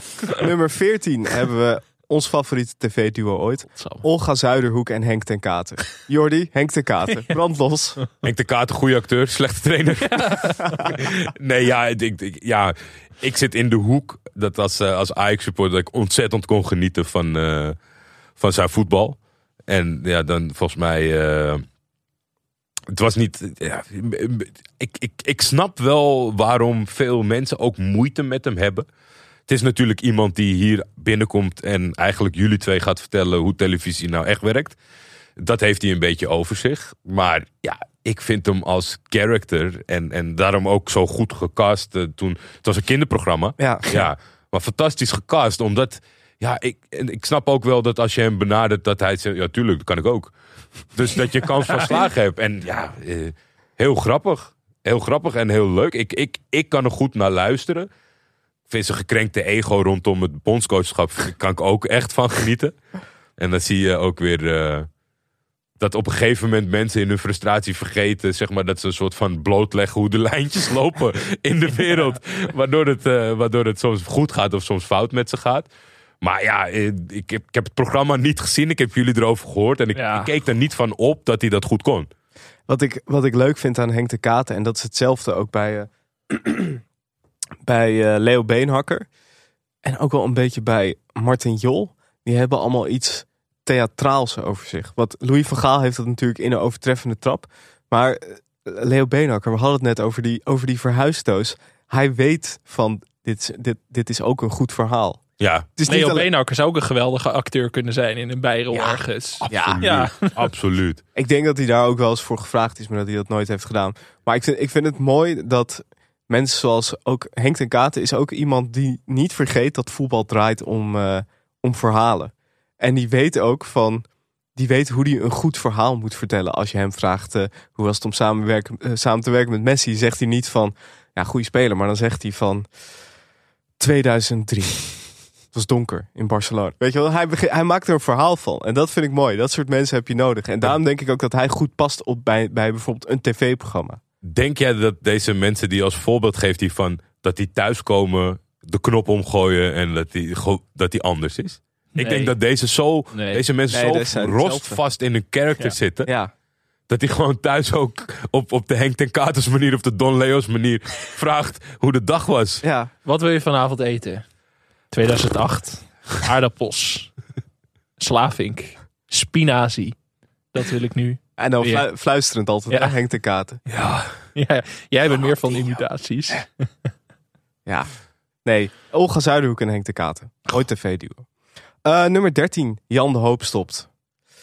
Ja, dit is het moment waar ik het meest zorgen om maakte. Want ik was bang dat ik hier zou gaan breken.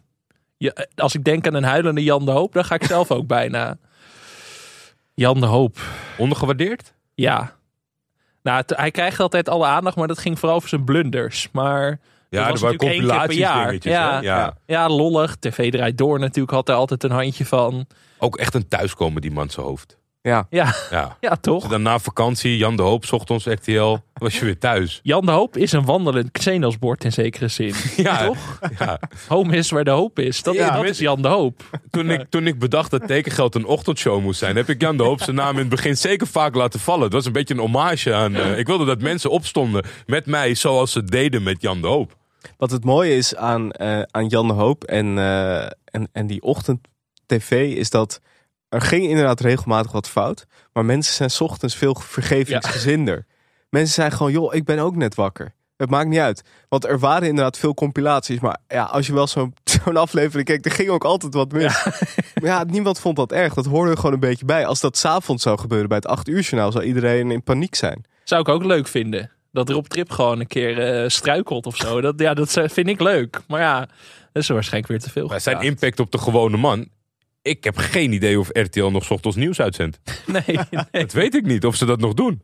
Terwijl, ja, het is niet dat ik, dat ik mijn wekker zette om Jan de Hoop te zien. Maar die stond op. Dat, toch? Die stond standaard op. Eh, Ik, ik, ik zou geen idee hebben of RTL nog ochtenduitzending heeft met nieuws. Ja, ik ben geen ochtendmens. dus ik wou het net zelf zeggen, dan ben jij nog lang niet Nee, wakker. nee. Ik vind het al absurd dat jij Jan de Hoop kent.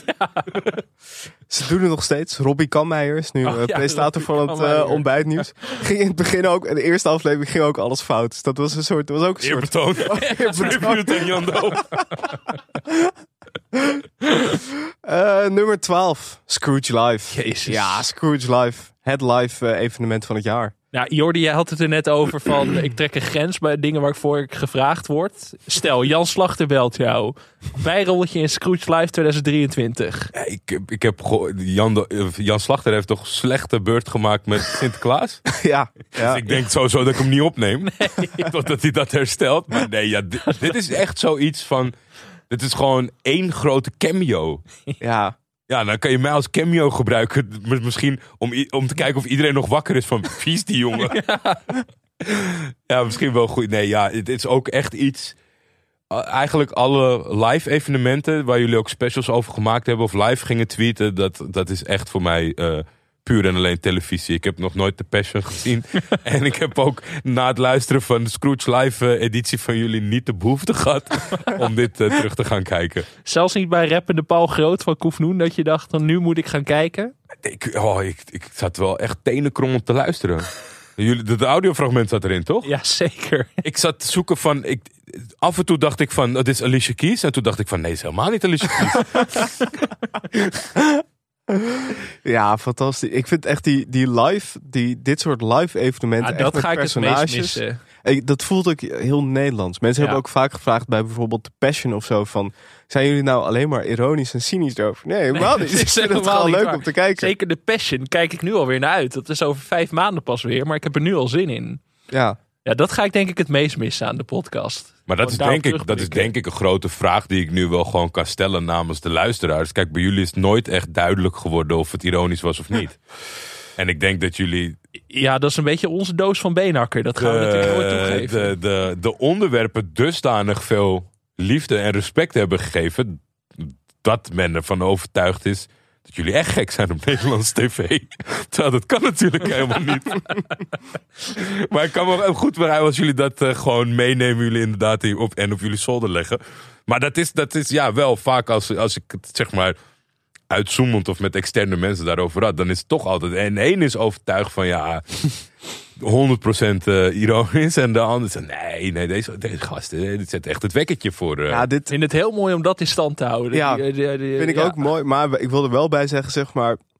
Dat enthousiasme kan je niet helemaal faken. Nee, dat is enthousiasme en de vrolijkheid over Nederlandse tv... terwijl je hier om negen uur 's ochtends zit en slecht hebt geslapen... dat kan je niet faken. Dat, ik heb mijn eh, best gedaan, luisteraar. eh, nummer 11, het einde van koffietijd. Ja, dat... Ja. Zwaar jaar voor de mensen. Het Nou is ja, een zwaar jaar. Jan de Hoop stopt, koffietijd stopt, televisie is stopt. Maar het is wel... eh, Xenos kan ook net zo goed stoppen als je het zo hoort inderdaad. Want ja, Allemaal deze hakt er echt in. Allemaal iconen van de Nederlandse tv die stoppen. En eh, eh, ook natuurlijk al, dat was iets eerder, tv-shows ook gestopt. Er zijn de laatste tijd veel grote programma's en grote personages zeg maar, binnen het tv-universum gestopt. Maar waarom ook? Te weinig kijkers. Dat vind ik echt zo'n onzin excuus. Ja, sponsoren, gedoe. Ja, Maar ja. scheid aan. hebben we het straks over achter de schermen nog wel even over. Het is, het, is, het, is, het is nooit meer zo goed geworden als eh, in ten tijde van Hans van Willekeuburg. En, eh, Ja, dat is echt voor onze tijd, denk ik. ja, ik weet Oh, niet ik of moet die zo'n natuurlijk rekening houden met jullie. Maar jullie, de- jullie denken ook dat eh, eh, het boodschappenspel dat het van Max is. Dat is van koffietijd. Ja, dat is waar. Dat is, dat is gewoon gestolen. Maar aan de andere kant, ja, dat was natuurlijk het enige waarvoor men ooit keek op RTL. Dus ja, ja koffietijd. Arme Quinty. Ja, nou, arme Loretta ook vooral. Die ga ik ook wel missen.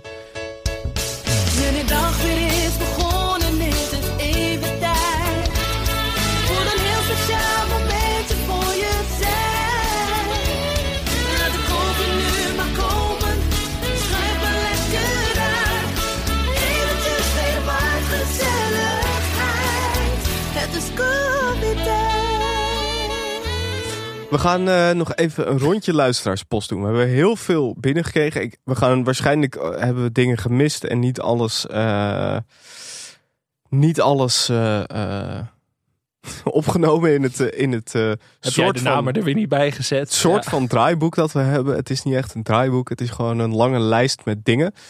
Dus dit is de eerste helft van de luisteraarspost. Ik ga jullie gewoon dingen voorleggen. Ja, is goed, ja. Ja, al eerst een bericht van Jeroen over het Bassie-boek. Ik heb in de afgelopen aflevering heb ik een boek van Bassie, de biografie, heb ik eh, geplucht. Nou kregen wij een bericht van Jeroen waaruit bleek dat er wat dingen in het Bassie-boek staan waar wij niet achter kunnen staan als podcast. Dan heb ik het over toch ook seksistische uitlatingen van Bas van Toor. Ja, daar wil ik ook meteen eventjes bij deze mijn excuses voor aanbieden. En ook benadrukken dat, en dit is een geheim mensen, dat ik dat boek niet helemaal van kaf tot kaf heb gelezen.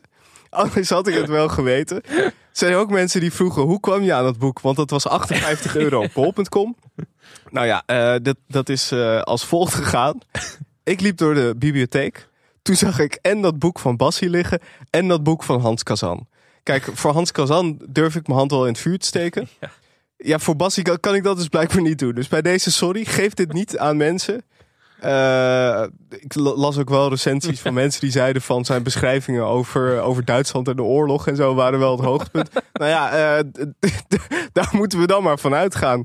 Bassie is niet de man die wij dachten dat hij was. De Sorry. mooiste recensie op bol.com vond ik al van Anita. Die gaf drie sterren en die zei... Ik had meer van dit boek verwacht.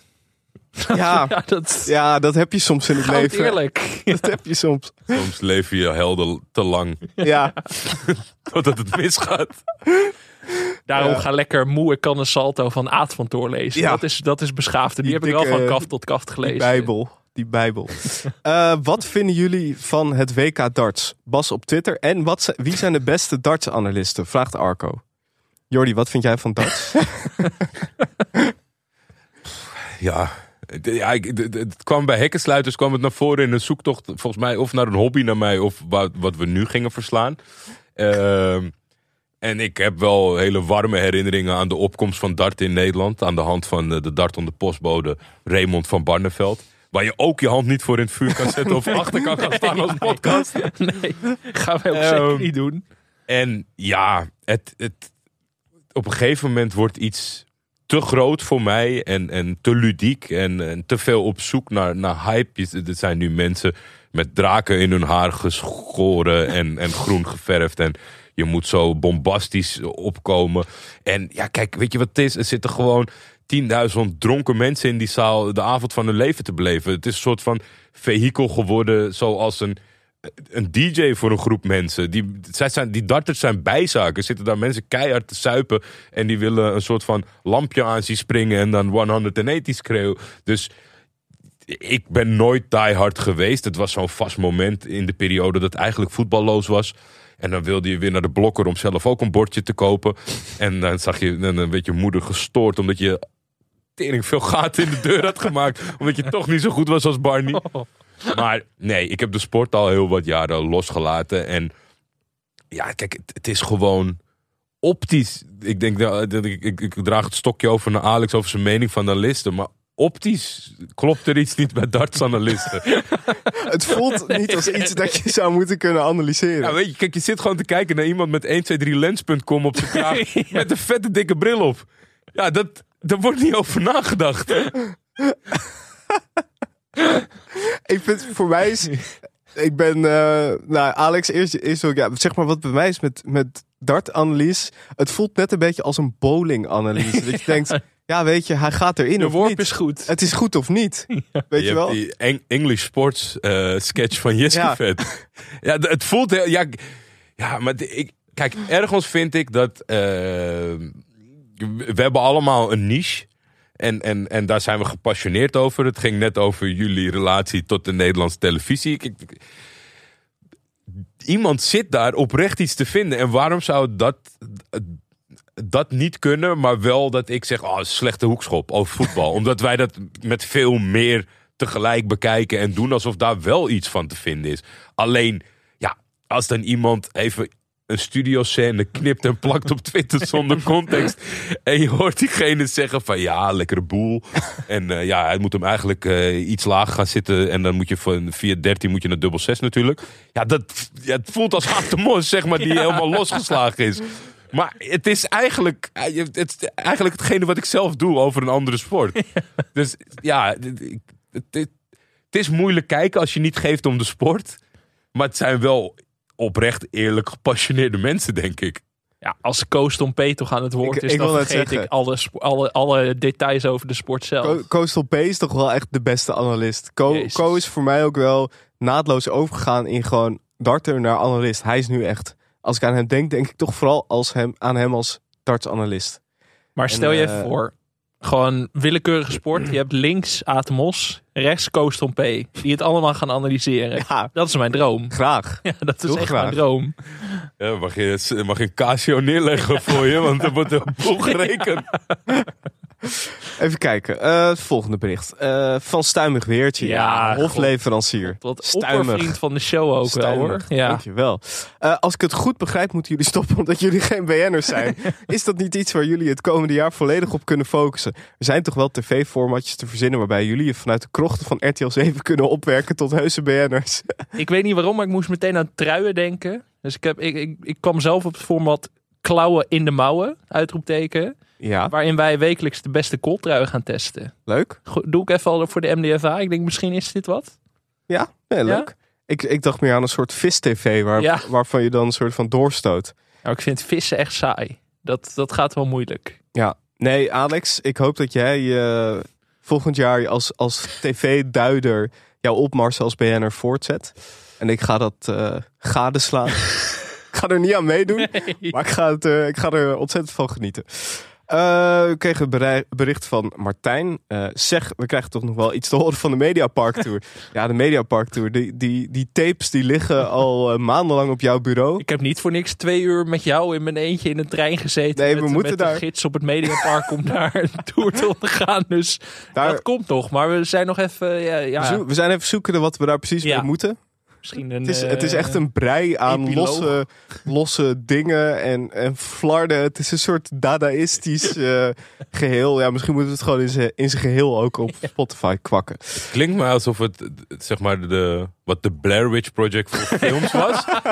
dat, dat dit voor podcast zou kunnen zijn. Dat, dat gewoon- was ook wel zo, want we liepen op zaterdagochtend op het Mediapark en daar is dan niemand. Er was echt niemand. Op een gegeven moment liepen we langs het RTL-gebouw. Toen waren er een paar bewakers die heel boos naar ons keken. Die dachten ook, wat doen die jongens daar? Maar de, de Blair Witch was zo onafvolgbaar in stijl. Dat, dat, en, maar dat, ja, dat, dat, dat heeft toch een, een, een reputatie wereldwijd gecreëerd. Dus misschien moeten jullie het gewoon een beetje aan het lot overlaten. En gewoon eh, footage misschien wel onbewerkt eh, achter elkaar eh, posten. Ja, ik, eh, ik las een, eh, een stuk gisteren of eergisteren in de Volkskrant over Mulholland Drive.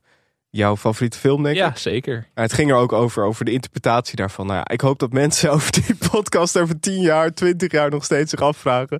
Wat, wat bedoelden ze daar nou mee? Eh, even kijken. Eh, Frank van Neerven vraagt of hij curator van het museum mag blijven. Ja, Tuurlijk. tuurlijk. Ja. Eeuwig. Oppercurator. Ik hoop dat hij het museum echt gaat openen zelf ook. Ja, eh, hou dat vooral in ere. Malon zegt eh, slecht, slecht voor de samenhang in de aanbodmix. Dat is zo, ja. Dat onderschrijven wij volledig. De aanbodmix in, eh, in podcastland zal nooit meer hetzelfde zijn. Eh, we kregen een bericht. Spijtig dat jullie slachtoffer zijn geworden van de Alain-vloek. Namens Caron, Clark en Stark. Van Ellen zelf. ja. Ik was niet bekend met de Alain Vloek, maar we hebben zijn naam genoemd en een week later werden we gecanceld. Dus misschien zit er toch iets in. Ik weet niet. Ja. Alain moet geen berichten meer insturen naar podcasters, denk ik. Dat is de enige oplossing. Nee, we kregen een eh, bericht van Inge. Die ga jij voorlezen. Ja, dat vond ik toch wel vond ik, vond ik lief. We kregen heel veel lieve berichten. Laat me, laat me dat voorop stellen. Maar ja, we gaan ze niet allemaal voorlezen, want dat, dat zou wel een beetje heel gek worden. Maar het bericht van Inge vond ik toch wel even de moeite waard om voor te lezen. Eh hey mannen, wat jammer dat jullie gaan stoppen. Ik ga ons wekelijkse momentje echt missen. Nu jullie toch stoppen, durf ik deze ontboezeming wel te doen. De running gag tussen mij en mijn vriend is dat ik elke week lekker naar mijn mannetjes ga luisteren. Zelfs op.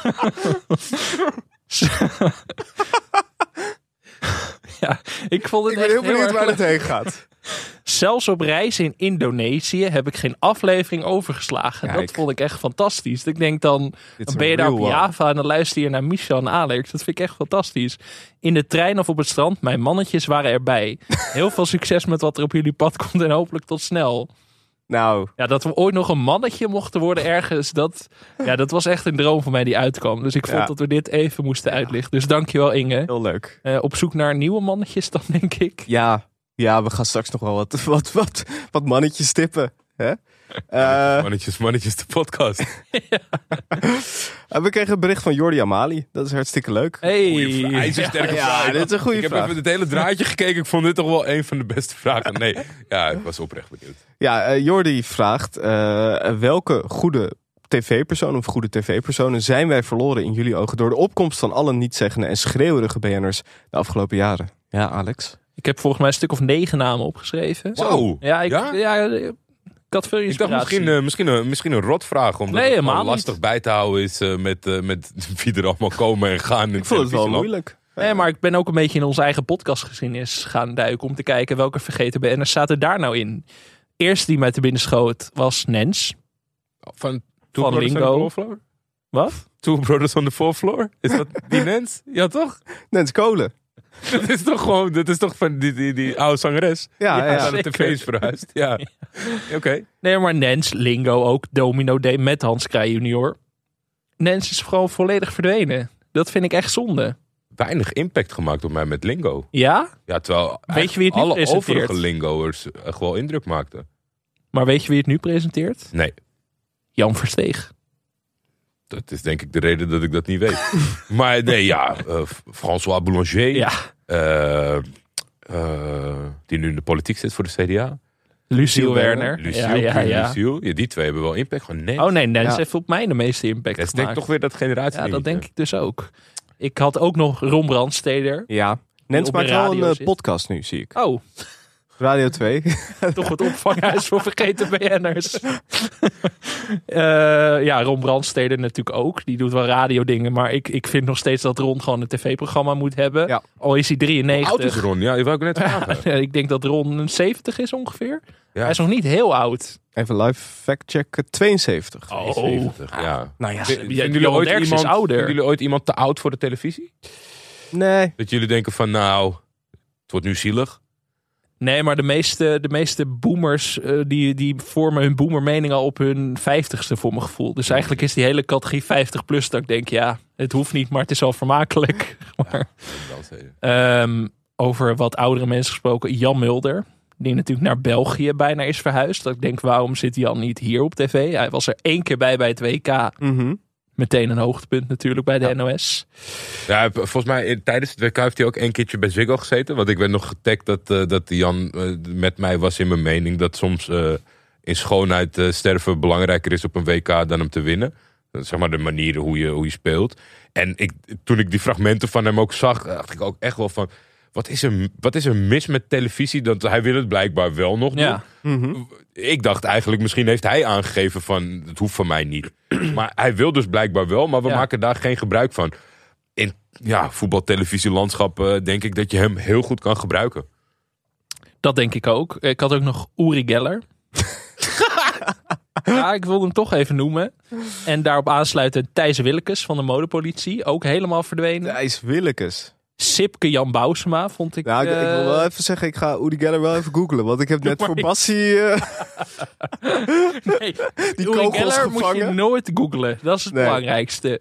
Dus ik wil snel door naar Sipkian Bousma. Ook een jeugdheld van mij die volledig verdwenen is. Ja, die had ik ook opgeschreven. Schot TV Weekjournaal deed hij bij mij. Maar ja, Ja. dat is, weer- weer- jullie ook? Ja, Dat bij mij deed hij dat volgens mij ook nog. Ja? Ja. Dat is, eh, ja. Als sowieso kindertv, dat deed hij eh, allemaal. op de basisschool, als je dan een uurtje tv mocht kijken, was je al lang blij. Maar Ja. dat is altijd Sipke, ja. School-tv was goed ook. Eh, Wally McKee, Ik geloof in mijn ster, ook verdwenen naar dat waanzinnige programma. Ja. En Atje van Paul de Leeuw, ook verdwenen. Atje. Ja. Ja. Toch ook zonde.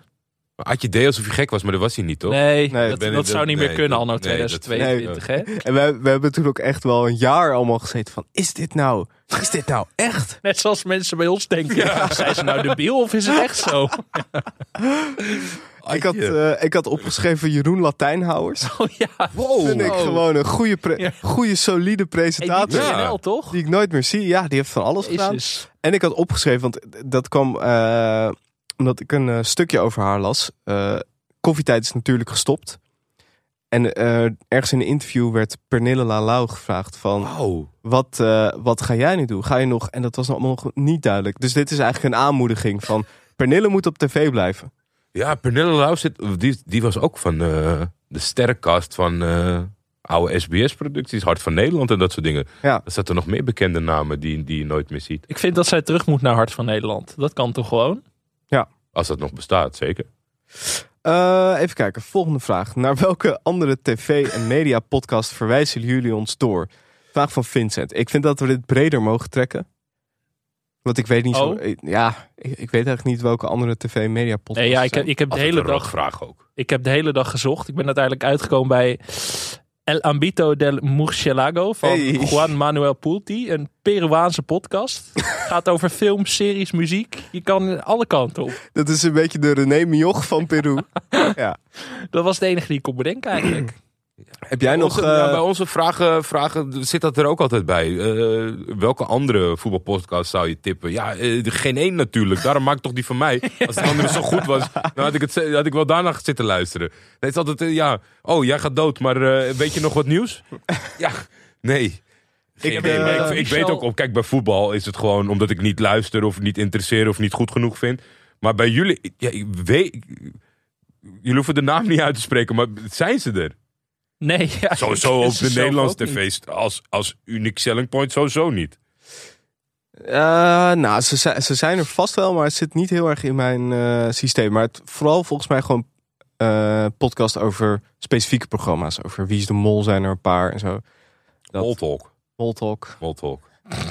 Ehm, nee, ik, ik weet geen andere tv- en media podcast. Ik wil pluggen.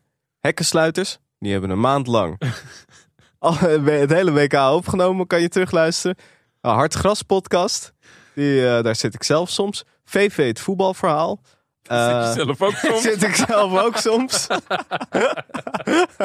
Plakshot kijken mensen. Eh, ik heb ook nog een heel mooi boek geschreven. Doorspelen, dat wil ik ook. Nee, ik wil eh, AT6.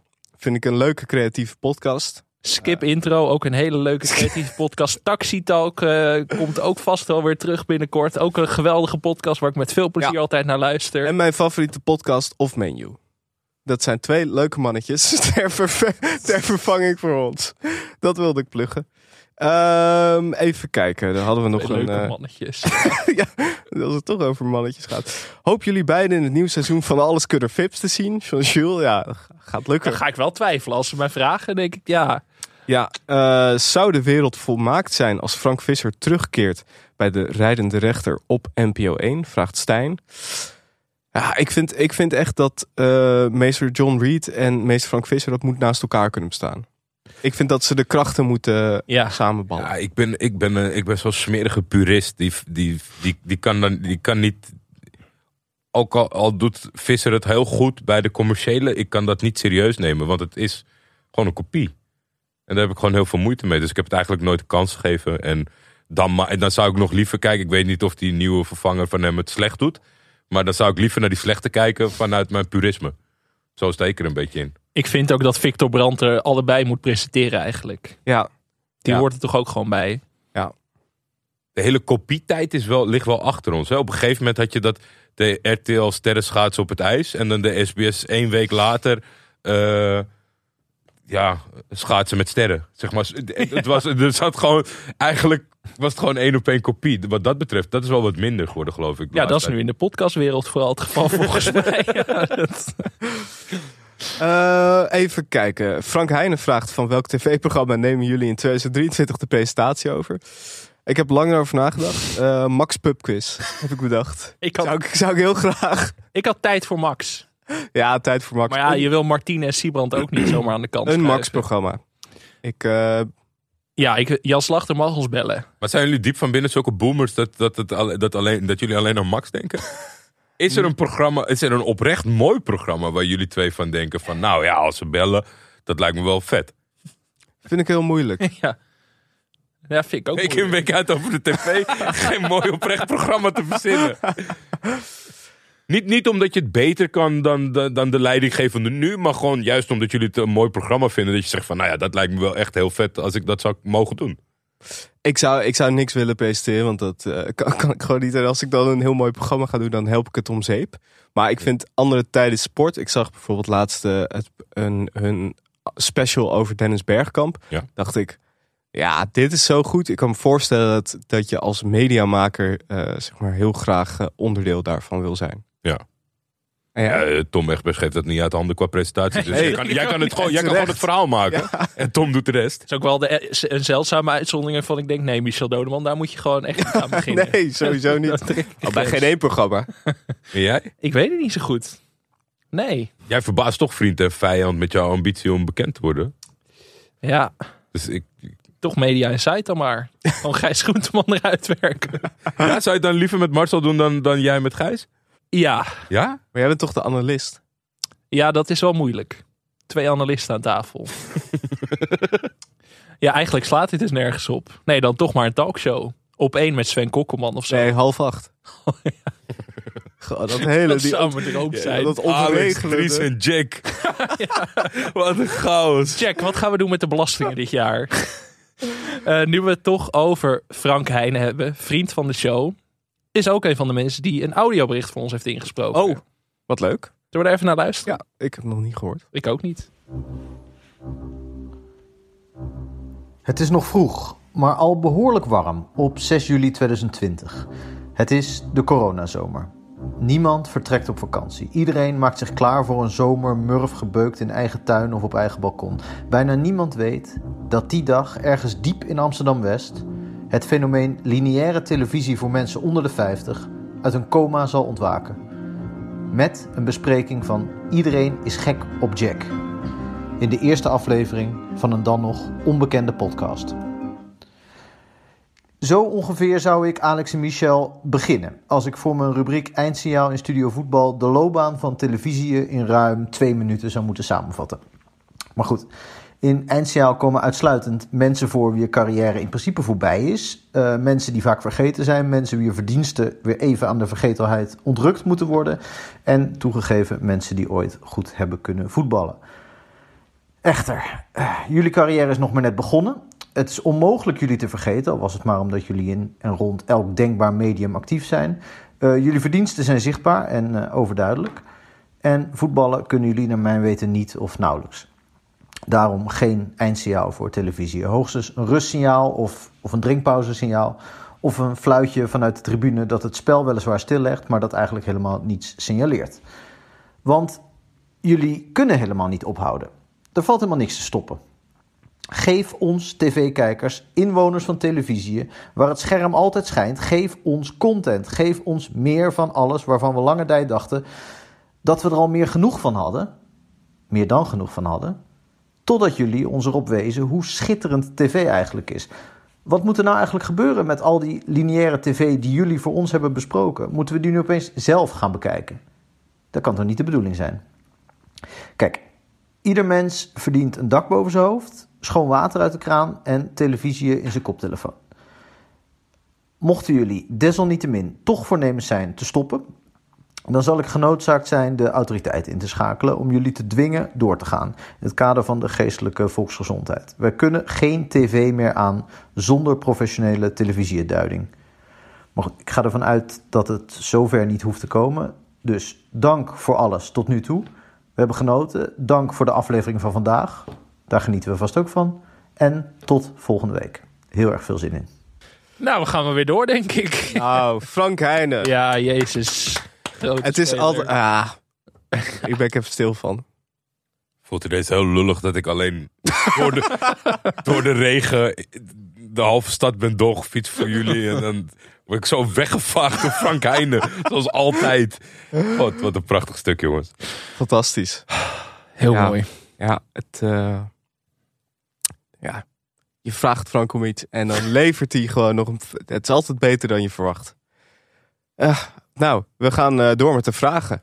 Eh Kippenvel. Kippenvel momentje. Raadje. We kregen een waar vra vragenvuur van eh, onze goede vriend Sam Planting. Eh, allereerst, welk tv-persoon moet per morgen tot pensioen worden gedwongen? Sam vond de vragen te braaf, dus ik Ja. dacht ik ga er eventjes... eh, Ja, Sam heeft makkelijk praten natuurlijk. Eh, ja, jongens, wie moet er stoppen?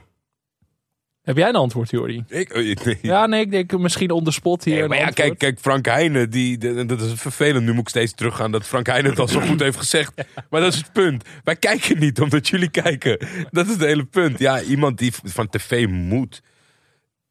Ik denk toch wel een stukje zelf. Ja, het is eigenlijk al te laat, dus dat heeft ook geen zin. Ik dacht Jake van Gelder om nog iets vast te houden van de persoon die die ooit was voor vele Nederlanders. Maar het is eigenlijk veel te laat, dus dat heeft ook niet echt zin. Zelfs wij kunnen Jack niet meer omarmen in deze podcast. Zelfs dat, daar is het nu te laat voor. Maar om hem nou met pensioen te sturen, kijk. Het is ook een bron van vermaak voor mij in half acht. Dus dat Ja. wil ik ook niet missen. Dus ik vond het moeilijk, maar ik had dan wel een oproep.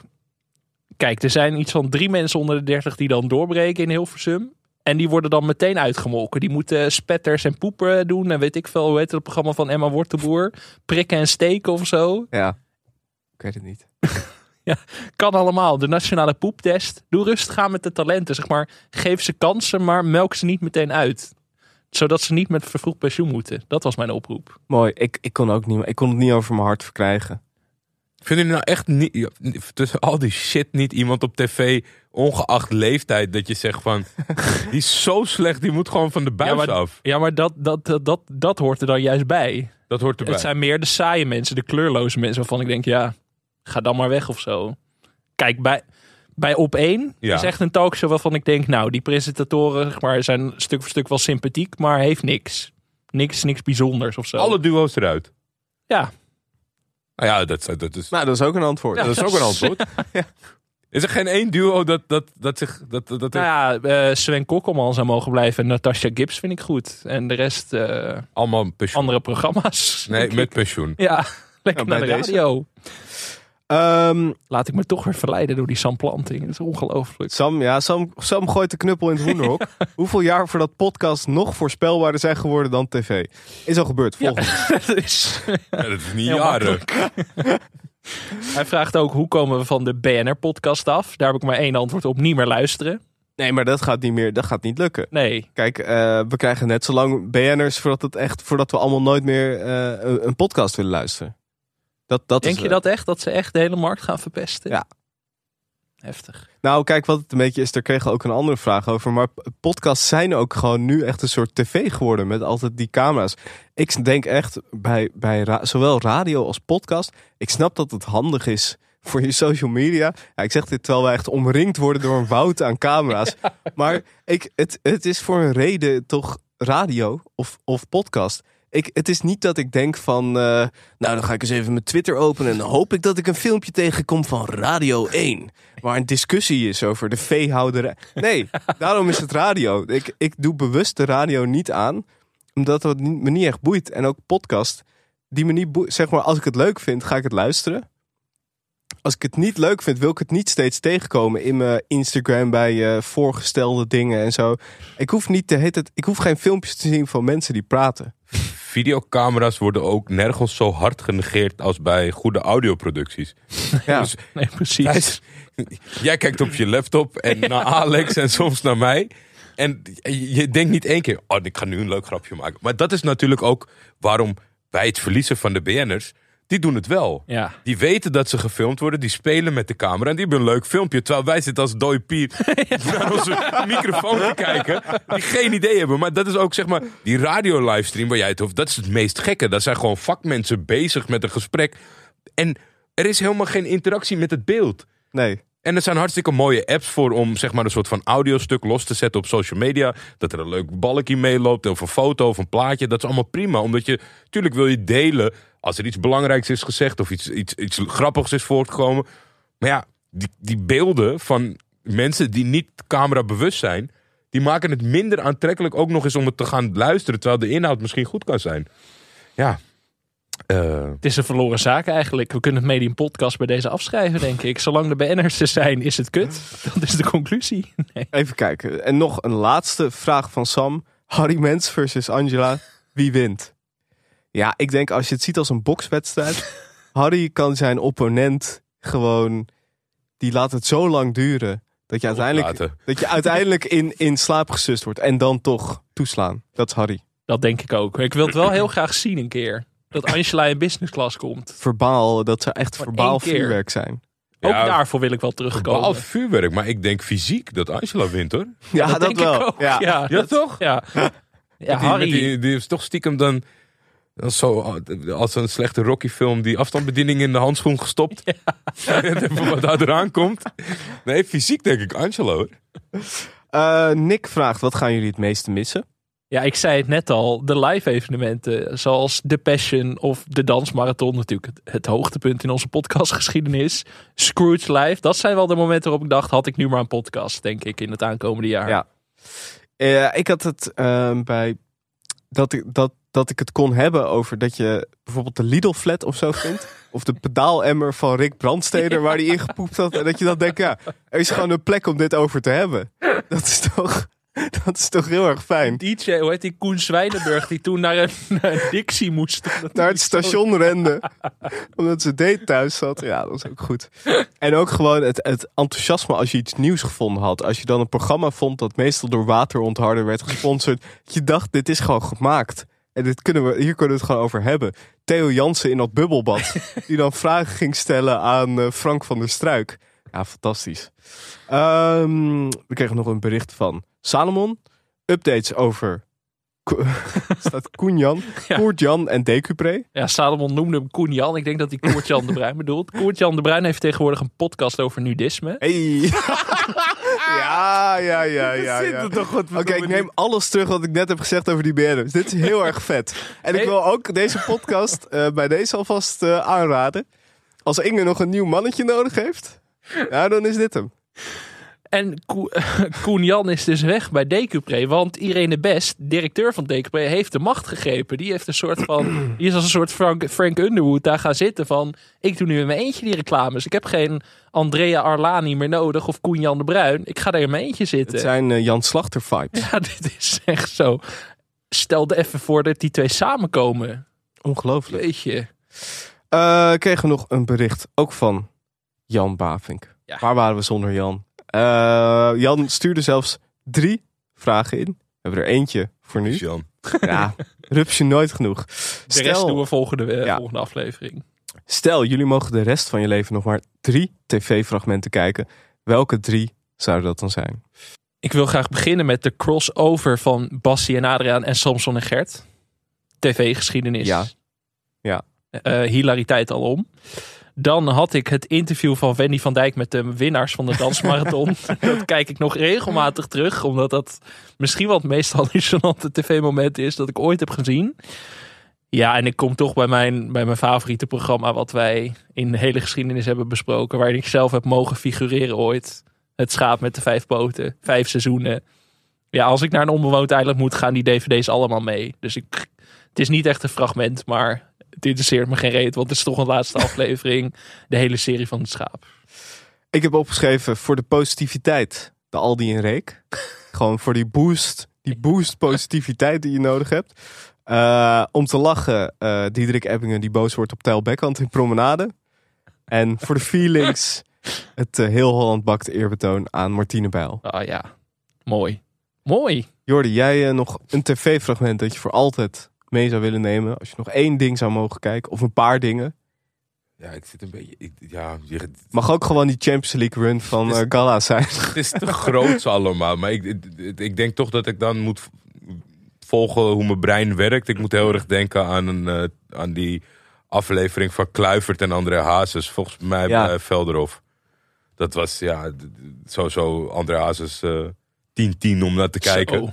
Sowieso die documentaire. eh, Het was natuurlijk een soort van legendarisch. Een mega onzekere man. Die door velen als held wordt gezien. Dat is gewoon een fijne combinatie. De kapper in Spanje zal ik nooit vergeten. Die dat ging downplayen dat hij maar weinig kaart had verkocht. Dat eh, een x aantal van, weet ik veel. Misschien konden er 10.000 in en uit 300 kaarten. worden 300 nog echt wel veel hoor, André. Dat positivisme van die man om hem... Dat, dat, ik, ja, Kluivert en Hazes. De vissen gingen ze geloof ik op een boot. Het, het was echt een hele toffe aflevering. Ja. ja. Maar joh, Boshart en Herman Brood. Ja. Zo Villa Ja. Velderhof. Ja, OG Villa Velderhof tijd wel echt eh, een paar spectaculaire afleveringen Je gemaakt. hebt ook nog die foto's van dat Patrick en André samen op het veld in eh Camp Nou staan. Ja. Dat, dat André ook- Volgens mij was het in Barcelona. Ja, Dat het Ja. een beetje tegemoetkoming van de actieve carrière natuurlijk. Villa Velderhof met André Hazes was met Simone Kleinsma samen. Ja. Was dit niet dat programma dat heette André van Oranje? Oh, dat zou ook wel André, André en Patrick van Oranje. Ik dacht erg- eigenlijk ook Ja, maar dat gewoon dit- een gekke combinatie aan mensen doet meteen. Dat is gewoon de claim to fame van Velderhof Ja. ook. Dat je meteen daaraan denkt. Ik, het, ik, denk, ja, ik, ik ging ook twijfelen. Want volgens mij is het sowieso een misconceptie dat dat misschien eh Villa Velderhof was. André en Patrick van Oranje was. Dat werd uitgezonden in Oh. volgens mij 2000. Het was in het kader van het EK 2000. Bekende Nederlanders brengen een bezoek aan een speler van Oranje. Oké. Dat was het. Dat is wel vet. Maar ja, even goed blijf ik staan achter het feit dat eh, Velderhof eh goede programma's maakt. ja. Ja. Eh, dat was eh, deel 1. ik denk dat... Ik, ik weet niet precies. Deze is in totaal iets van 1 uur en drie kwartier geworden. Ja, en dat is deel 1. ja, Eh, zo hoort het. vind ik ook. Ja, ja, eh, je, je moet nu even een pauze inlassen ook voor de mensen. Omdat Nou ja, ik weet- moet heel nodig naar de wc ook. Ja, Dat- maar, maar los daarvan is er ook gewoon technisch gezien. Want eh, toen wij in de voorbeschouwing van de hekkensluiter zaten, die duurde langer dan drie uur. En dit apparaat kan niet langer dan drie uur opnemen. Oh jezus. Toen hadden wij een gigantische vastloper. En hebben we het anderhalve groep overnieuw moeten doen. Terwijl we niet meer konden praten. En onze ogen niet meer ogen open konden houden. Ik ben ook wel bang voor die tafereel in het tweede deel van deze podcast. Wat morgen online komt. ja ik ben, eh, ben benieuwd hoe dat, eh, hoe dat gaat lopen. Eh, tot morgen. Tot morgen. Tot morgen.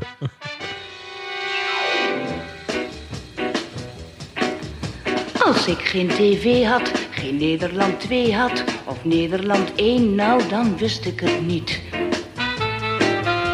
Ik heb zo'n idee dat ik dan het idee had, dat ik alleen miste wat iedereen ziet. Ik vind het het einde, ik kan ervan smullen, want wat moest er anders mijn avonden vullen? Ik moet er naar kijken, ik kan er niet buiten, want wat zou er anders mijn dag moeten sluiten? Dus juich ik steeds bij mijn tv. Ik heb u lief, mijn Nederland 1.